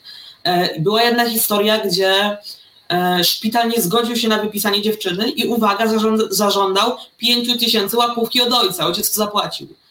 I osoby, które się do mnie odzywają, piszą, mi to do dzisiaj doskwiera. To są osoby, które przeżyły to 8 lat temu które miały wtedy 12 lat, teraz mają 20 i do dzisiaj nie umieją się pozbierać. Pisała do mnie osoba, która um, która do dzisiaj ma lęk um, przebywania w jakimkolwiek szpitalu. W sensie ona um, musiałaby umierać, żeby, żeby położyć się do szpitala. Wiesz, to nie jest tylko Garwolin, bo po Garwolinie wylała się jeszcze fala wiadomości odnośnie Józefowa, na przykład, odnośnie Krakowa. Jest bardzo dużo takich szpitali. No te osoby mają jakąś nadzieję, w sensie to jest pierwszy taki, pierwsza możliwość zareagowania na to na, jest, była jedna dziewczyna, która opowiadała, że jej siostra, która wtedy miała 8 lat, leżała e, na sali e, oddziałowej na, w szpitalu psychiatrycznym dziennym e, z trzema gwałcicielkami, które wcześniej na tym samym oddziale zgwałciły jej siostrę kilka dni temu. To było zgłaszane personelowi. I personel nic z tym nie zrobił, dopóki nie zgwałcił jej drugi raz. Więc jeżeli żyjemy w takiej rzeczywistości, no to jakby nie dziwmy się młodym ludziom takim jak ja, y, że podejmujemy takie tematy. Ja też zacząłem się interesować stanem polskiej psychiatrii od y, około roku temu. W sensie jak sam miałem z nią styczność. Trafiłem po próbie samobójczej do, na izbę przyjęć e, do szpitala psychiatrycznego w Opolu e, i osoby po próbie samobójczej nie chcieli przyjąć na oddział. E, mało tego, cała, cały wywiad, cała wizyta trwała 5 minut to już jest, jakby to pokazuje skalę problemu i gdzie w tym momencie, według mnie, nie wiem, czy wy się ze mną zgodzicie, e, powinien też tutaj jednak zainterweniować minister edukacji. No, Bo my jesteśmy jego młodzieżą. Nie mam żadnych wątpliwości. Jeszcze, y, jeszcze Lauro, chciałem ciebie spytać, y, bo ty też y, po pierwsze, znaczy takie dwa bardzo mocne, ty, ty jesteś obecna na bardzo wielu protestach, akcjach, jesteś aktywistką przez duże A, Maciek też. E, mówiliśmy już trochę o problemach e, osób nieheteronormatywnych, które są, no, delikatnie to ujmując, napiętnowane przez ministra, który powinien jednak dbać o kondycję psychiczną i deklaruje, że tak chce e, polskiej młodzieży, a robi coś zupełnie przeciwnego. A chciałem Ciebie spytać jeszcze, jak, jaką Ty drogę przeszłaś od e, pierwszych protestów, po których e, nagle okazało się, że ty musiałaś zeznawać jako ta siewczyni śmierci, bo tutaj, drodzy Państwo, Laura jest jedną z siewczyni śmierci, bo tak was nazywano na protestach po wyroku Trybunału Julii Przyłębskiej. No, ale skończyłaś maturę, dzisiaj jesteś w Warszawie i rozmawiasz z ministrem. Ja chcę odpowiedzieć tutaj też naszemu komentującemu y, maruderowi Julo, y, który y, napisał coś, co mnie trochę zapieniło, więc teraz takie te kąciki w moich ustach są właśnie dla Jula specjalnie, bo Julo napisał bunt się kończy na selfiaczkach z partyjnym betonem hipokryzji, także z lewicy i tak dalej, i tak dalej. No, dali Bóg, że tak powiem. Jak dla mnie, y, mówienie, że bunt się kończy na selfiaczkach przy tym, jak posty Maćka mają 2000 lajków i kilkanaście osób pisze do niego i opowiada bardzo trudne swoje doświadczenia, właśnie dlatego, że Maciek miał odwagę i determinację i jeszcze coś na E, o czym powiem za chwilę. E, I a Laura, która najpierw jest w Oleśnicy na protestach, potem przechodzi przez przesłuchania, a w końcu idzie z łańcuchem pod men i dzisiaj to ona przesłuchuje ministra edukacji narodowej, który nie ma nawet na tyle jaj, żeby spojrzeć wam w oczy, tylko się chowa za kamerką, tak? Bo on się autentycznie boi, ja mam takie poczucie i chcę, żebyście też, no chcę wam trochę tego poczucia i przekonania dać. Oni się was boją. Oni się z wami spotykają nie dlatego, że chcą, tylko dlatego, że muszą. Dzięki temu, kochani moi, że macie determinację i macie to coś na E, co się nazywa empatią, macie olbrzymią siłę. Laura, jak dziś przeżyłaś? Macie, zaraz te ci dam, ale muszę jeszcze Laurę. Muszę, dobra. Chyba, że Laura ci ustąpi, no to wiesz. Mogę ustąpić. Znaczy, ja, ja, chciałem bardzo krótko, w sensie do tego pana, który to napisał, niech wymyśli coś lepszego niż przypinanie się pod ministerstwem. E, to tak odnośnie robienia sobie selfiaczków i mało autentycznego buntu, nie wiem, co musiałoby być bardziej desperackim czynem i jakby pokazywać ten bunt, niż przypinanie się pod bramą ministerstwa. Tak. Ja bym też mm, czy mogę też dwa, dwa, dwa, słowa komentarza, może nie tego, tylko czegoś innego, a propos tego strachu, bo ja mam też takie odczucie, poczucie, że no słuchajcie, minister, e, to minister zaprosił młodych ludzi na spotkanie. E, dostał, e, wystosował zaproszenie poprzez ministra Rzymkowskiego na 20 sierpnia. Po czym zmienia, da, zmienia godzinę na jakąś absurdalną godzinę 8.15. Organizuje to na totalnym wygwizdowie, gdzie i w Warszawie trzeba dojechać, poświęcić trochę czasu, żeby, że, słuchajcie, no, tyle jest poświęconej energii na to, żeby jak najbardziej e, e, zmienić, nie dopuścić. Znaczy, dla mnie wygląda to w taki sposób, że minister Czarnek pokazuje, jakim jest tchórzem, jak on się boi polskiej młodzieży. Minister edukacji, który boi się polskiej młodzieży, a jeden e, z, z, z, moich internetowych znajomych, bo mam właśnie dużo młodzieży internetowej znajomej, e, ujął to w ten sposób, bo ja powiedziałam, Czarnek boi się polskiej młodzieży, a on mi odpisał bardzo fajne zdanie. On się boi edukacji. Minister edukacji boi się edukacji. I to myślę, że to są piękne słowa, bo i edukacji, którą mógł, mógłby dostać od młodych ludzi. E, I nawet to, co mówiłaś wcześniej, Laura, o tym, że on mówi, że jakieś debaty były, on, że jakiś e, marksizm, że ideologia LGBT. Panie ministrze, definicje i pojęcia to nie jest coś, co nam się wydaje, co sobie tworzymy wieczorem przy pamiętniczku albo przy paciorku. Definicje i pojęcia mają swoje pewne konkretne e, odzwierciedlenia, a nie to, co się wydaje. I warto te definicje pojęcia poznawać, a nie sobie samą wymyślać. Minister edukacji powinien znać definicje i pojęcia. A jeżeli mówi o debacie, która się tworzy przy jakichś, e, przy, były organizowane przy jakichś zmianach, wprowadzaniu zmian, nie. W procesie legislacyjnym e, etap opiniowania nie jest debatą. Błagam, definicje, podstawy. E, I poza tym, Laura, pytanie do ciebie, bo skoro minister boi się was tak bardzo, czy zaprosiliście go na jakieś takie spotkanie z osobami LGBT, żeby przestał was się bać? Może ma jakieś takie wyobrażenie, nie wiem, demony, potwory, boimy się tego, czego nie znamy. Dajcie się poznać może ministrowi, zaproście go. On tak dużo jeździ po różnych teraz wsiach, ma dużo czasu na to, żeby jeździć. Może zaproście go, wystosujcie zaproszenie i on was odwiedzi i może wszystko się zmieni. No właśnie, ja myślę, że, że też ten strach, o którym tutaj mówimy, nie wynika tylko i wyłącznie z tego, że, że młodzi ludzie mogą powiedzieć coś, coś mocniejszego, nie wynika tylko i wyłącznie z tego, że, że siedzi przed nim osoba, którą ściga prokuratura właśnie za, za to, że ma świetnie ugruntowane i to nie są moje słowa, to są posłan, e, słowa posłanki Zielińskiej do, do, mnie i do Franka i do Wiktorii, e, właśnie osoby, które mają świetnie ugruntowane cnoty obywatelskie. E, tak więc e, tutaj właśnie, mm, kiedy tak dłużej się nad tym zastanawiałam, to, to faktycznie ciągle próbowaliśmy dojść do jakiejś próby zaproszenia, wyjaśnienia wszystkiego po prostu w takim można by rzec po prostu normalnym, swoistym, e, klimacie, e, a, nie po prostu grzecznościowe formułki, bo, bo ja już zauważyłam, że właśnie tak jak rozmawiałam z, pan, z panem wiceministrem podczas tej pierwszej rozmowy, to jednak tutaj ta nić porozumienia była widoczna. Ja nie byłam atakowana za inne opinie. To, tam mogłam w 100% wyrazić swoje zdanie. I jeśli na przykład czegoś nie rozumiałam, albo już widziałam, że pan minister nie do końca coś rozumie, czy tam chciałby po prostu, tak wyczytam z wyłinki twarzy, aby coś uzupełnić o, o, kilka słów, to tak też się działo i, i nic nie stało na przeszkodzie, żeby tę furtkę do rozmowy o konkretnym postulacie zamknąć. W przypadku Wiktorii, to powiem szczerze i raz jeszcze to powtórzę. Jeżeli ktoś usłyszałby tyle razy, ja pani nie obrażam, jest pani osobą inteligentną, ale nie może pani manipulować moimi słowami, E, albo też niech pani przestanie, bo się rozłączę. Ta groźba rozłączenia się też padła. To też jest ważne. Nie napisaliśmy o tym, ale też padła groźba rozłączenia się, jeżeli dłużej tak będziemy manipulować tymi słowami. To ja powiem szczerze, Czuję się, jakbym miała troszkę więcej powagi na takim spotkaniu, bo ja przychodzę i chcę tam siedzieć, dopóki nie, obie strony nie poczują, że wypracowały pewien konsensus i pole do dalszego działania.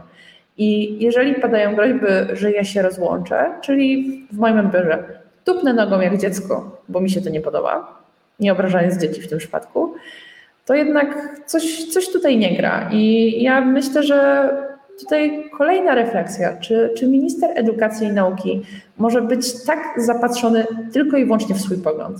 Czy on powinien się trzymać tylko i wyłącznie swojej religii i tego, w co wierzy, i zakładać, że wszyscy, którzy mają inne zdanie, chcą mu odebrać jego poglądy? Bo nie, nam nie o to chodzi. Jeżeli tutaj już była taka krzątanina, że mm, w sumie, kiedy już e, pan minister opowiadał, że on sfotografował tę paradę e, równości e, w, Stanach, że, że to już była daleko idąca dewiacja, a kiedy my się zapytaliśmy, czy skoro do nas pan minister kierując słowa, że go nie obchodzi nasza orientacja, że jesteśmy dla niego równi, e, to czy my, chodząc w marszach równości i czy my, ubiegając się o równość małżeństwom, e, równość małżeńską, e, jesteśmy właśnie tą ideologią, bo to były argumenty dla tej ideologii, że właśnie ideologia się domaga równości małżeńskiej, bo uwaga, uwaga, to też wiele razy się pojawiał, równość małżeńska jest zapisana w Konstytucji, przez Konstytucję jest chroniony związek mężczyzny i kobiety, to czy my jesteśmy właśnie tą ideologią i to, tą ideologią. I to był właśnie wstęp do tej dalszej rozmowy, która poskutkowała tym, że będziemy czekać naprawdę na, na tę pracę naukową pana ministra, bo to jest dosyć ciekawe zagadnienie. Wiktoria już chyba z dobre pięć razy na tym spotkaniu pytała się o to, czym jest dla pana ministra ideologia. Bo, bo naprawdę ta definicja ideologii, przyznam szczerze, gdzieś nam się zacierała. Ideologią nie jest wrzucanie do jednego worka naszych oponentów. Ideologią nie jest to, co nam się nie podoba. Ideologia musi spełniać po prostu pewne przesłanki, być, być ideologią, a nie nie podoba mi się, więc nazwę to ideologią. Ojej. Ja bym chciał coś od siebie. Tak, dziękuję. Y, do pana Czarnka, od serca parafrazując posła Szczerbę, panie ministrze kochany, jeżeli twierdzi pan, że takie straszne rzeczy dzieją się na paradach równości, zapraszam, będzie w Opolu, będzie w innych miastach. Panie ministrze, my tam nie uprawiamy seksu w miejscach publicznych, my tam chodzimy, mamy piękne transparenty, gdzie piszemy, że każdy jest równy. Tam się nie dzieje nic złego. Ja byłem na Paradzie Równości w Warszawie, pana tam nie widziałem. Dobra, to ja mam taki pomysł. Pomóżmy Czarnkowi. On ma bardzo dużo lęku w sobie. Lęk jest czymś, co jest właśnie nienazwane. Nie, lękamy się tego, czego nie znamy, nie rozumiemy. Pomóżmy może, nie, nie wiem, jakaś akcja pomocy dla Czarnka, bo z tego, co Laura opowiadasz, co Maciek też opowiadał, e, ma, ja mam wrażenie, że wy mieliście więcej merytoryki, więcej e, mm, e, więcej no, argumentów i, wie, i lepszą jakby przygotowanie, nawet nie przygotowanie, tylko poziom prowadzenia rozmowy niż minister edukacji naszego kraju. Który ma, który, pod, sobą, tak, który ma pod sobą profesorów i doradców PR-owych. Tak, że, znaczy mnie to zadziwia i przeraża z drugiej strony, że młodzi ludzie mają więcej dojrzałości i świadomości niż minister edukacji, który dla mnie w tym momencie wydaje się jakąś, e, jakąś tylko i wyłącznie taką e, przykrywką, a całą, znaczy ja w tym momencie już nie wierzę, że ten człowiek ma jakąkolwiek merytoryczną, e, merytoryczne podstawy do pełnienia jakiejkolwiek funkcji. Wydaje mi się, że on jest tylko tam fasadową figurką, a robotę tą merytoryczną, oczywiście bez wartościowania, czy dobrą, czy złą, ale tą merytorykę chyba jednak robią za niego jacyś inni ludzie. Właśnie to ciekawe, już na, na sam koniec, bo yy, no, poseł Rzymkowski naprawdę, może poza rękoma na szyję mógłbym mu naprawdę dużo rzeczy yy, zarzucić. To Rzymkowski, Tomasz Rzymkowski jest teraz wiceministrem yy, edukacji narodowej i to już ostatnie moje pytanie, bo, ale moim zdaniem ważne, bo też mnie frapujące, bo jednak tam nagle na tym spotkaniu waszym pojawił się taki duży kontrast między tą osobą za pikslami, e, która tam coś mówiła, a e, kontaktem z posłem Rzymkowskim. I ty, Laura, e, po, powiedziałaś, cytował przynajmniej ten portal Erewan, więc nie wiem, czy wiernie, ale ty powiedziałaś, że ta rozmowa była fair. To jest dla mnie ważne, żebyś powiedziała, co to znaczy, że ta rozmowa była fair. Ta rozmowa była fair, dlatego, e, że przede wszystkim była face to face. Ja rozumiem inne zobowiązania, jasne. Nie, ja nie, ale nie, masz nie rozumieć, bo jak, się, jak ktoś ciebie zaprasza, nie mów, że nie, do cholery jasnej nie rozumiesz.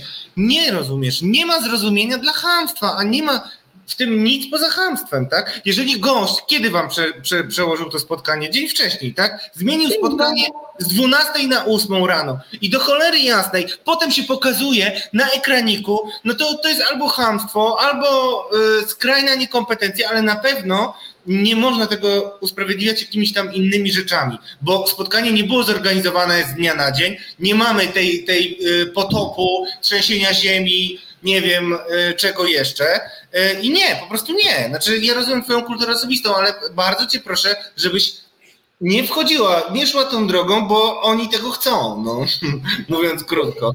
Ale co z tym Żółkowskim? No, Jasne. E, wiem, że oni tego chcą i być może mam dosyć dużą cierpliwość, podobnie jak Wiktoria dzisiaj do pana ministra, aczkolwiek właśnie do tego dysonansu między panem ministrem a panem wiceministrem.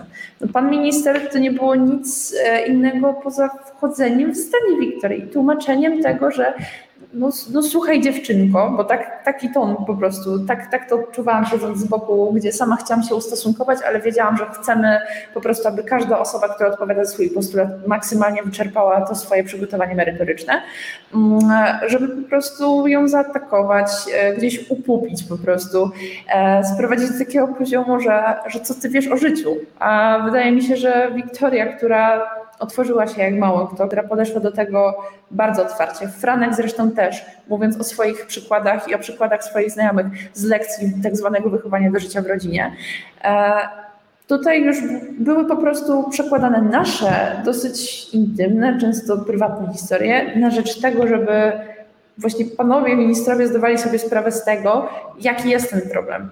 E, I ja myślę, że, że ta główna różnica to było to, że, że pan wiceminister Rzymkowski nie wchodził nam w zdanie. On słuchał, on e, na przykład punktował to, co gdzieś, gdzieś na przykład było niedopowiedziane, ale to działało w obie strony. I to już tutaj naprawdę przyznam szczerze, że, że to jest taka postawa, jakiej ja oczekuję od wielu innych ministrów, którzy również powinni wychodzić do protestujących. To nie może być wyjątek raz na jakiś czas, że, że kiedy się dzieje protest z łańcuchami, to wtedy dopiero się interesujemy. E, tylko, tylko po prostu taka reguła, że, że coś się dzieje, trzeba reagować i ta reakcja jest w obie strony. My też jasno mówimy. To, że my teraz przychodzimy na, nazwijmy to takie spotkanie i rozmawiamy o tym, nie oznacza, że jeżeli ministerstwo po drodze nie, nie wymyśli jakiegoś absurdalnego pomysłu, czy nie pojawi się kolejna homofobiczna, ksenofobiczna, mizoginistyczna wypowiedź, która tutaj nawiąże do tego, co Maciek mówił, wpływa na zdrowie psychiczne młodych e, ludzi, to my nie, jakby nie wyjdziemy na ulicę i znowu nie zaczniemy protestować. Jest akcja, jest reakcja i tak to będzie działać. My chcemy osiągnąć pewne porozumienie, bo obowiązkiem każdej władzy, niezależnie od jej powiązań partyjnych, powinno być to, aby słuchała obywatelek i obywateli. I to nie może być wyjątek, że, że minister wychodzi tylko i wyłącznie wtedy, kiedy o czymś się zrobi głośno, czy też jest to jakiś medialny temat. Taka refleksja.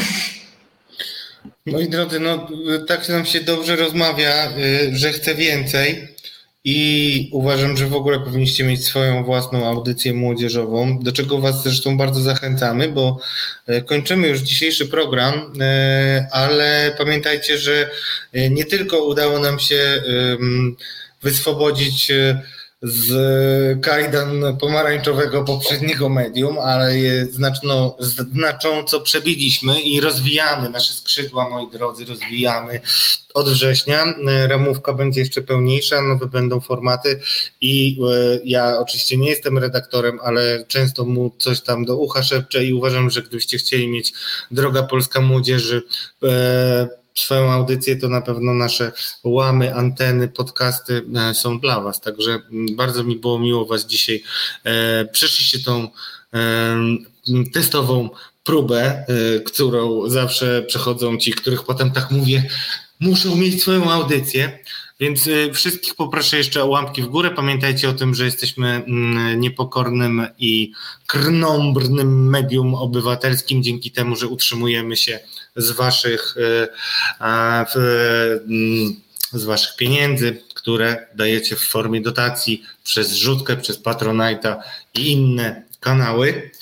I dlatego też e, ja mogę potem mm, tutaj Urbi et Orbi mówić, że ja marzę o takiej młodzieżowej audycji i też zapraszam. To jest też zaproszenie na mini casting. Na pewno to zrobimy mi było bardzo, bardzo przyjemnie Was e, gościć, kochani.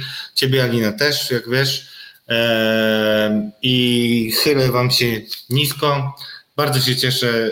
Tak będę spokojniej umierał, wiedząc, że mamy taką młodzież generalnie. Także to był Reset Obywatelski Katarzis. Zapraszam za tydzień. Naszymi gośćmi była Laura Kwoczała, e, Maciej e, Rachut, e, Rachut, przepraszam, i Alina Królowa Czyżewska, autorka.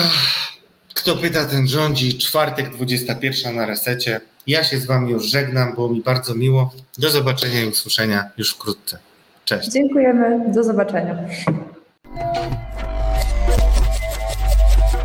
Reset Obywatelski. To był program Resetu Obywatelskiego. Subskrybuj nasz kanał na YouTube, obserwuj na Facebooku i Twitterze.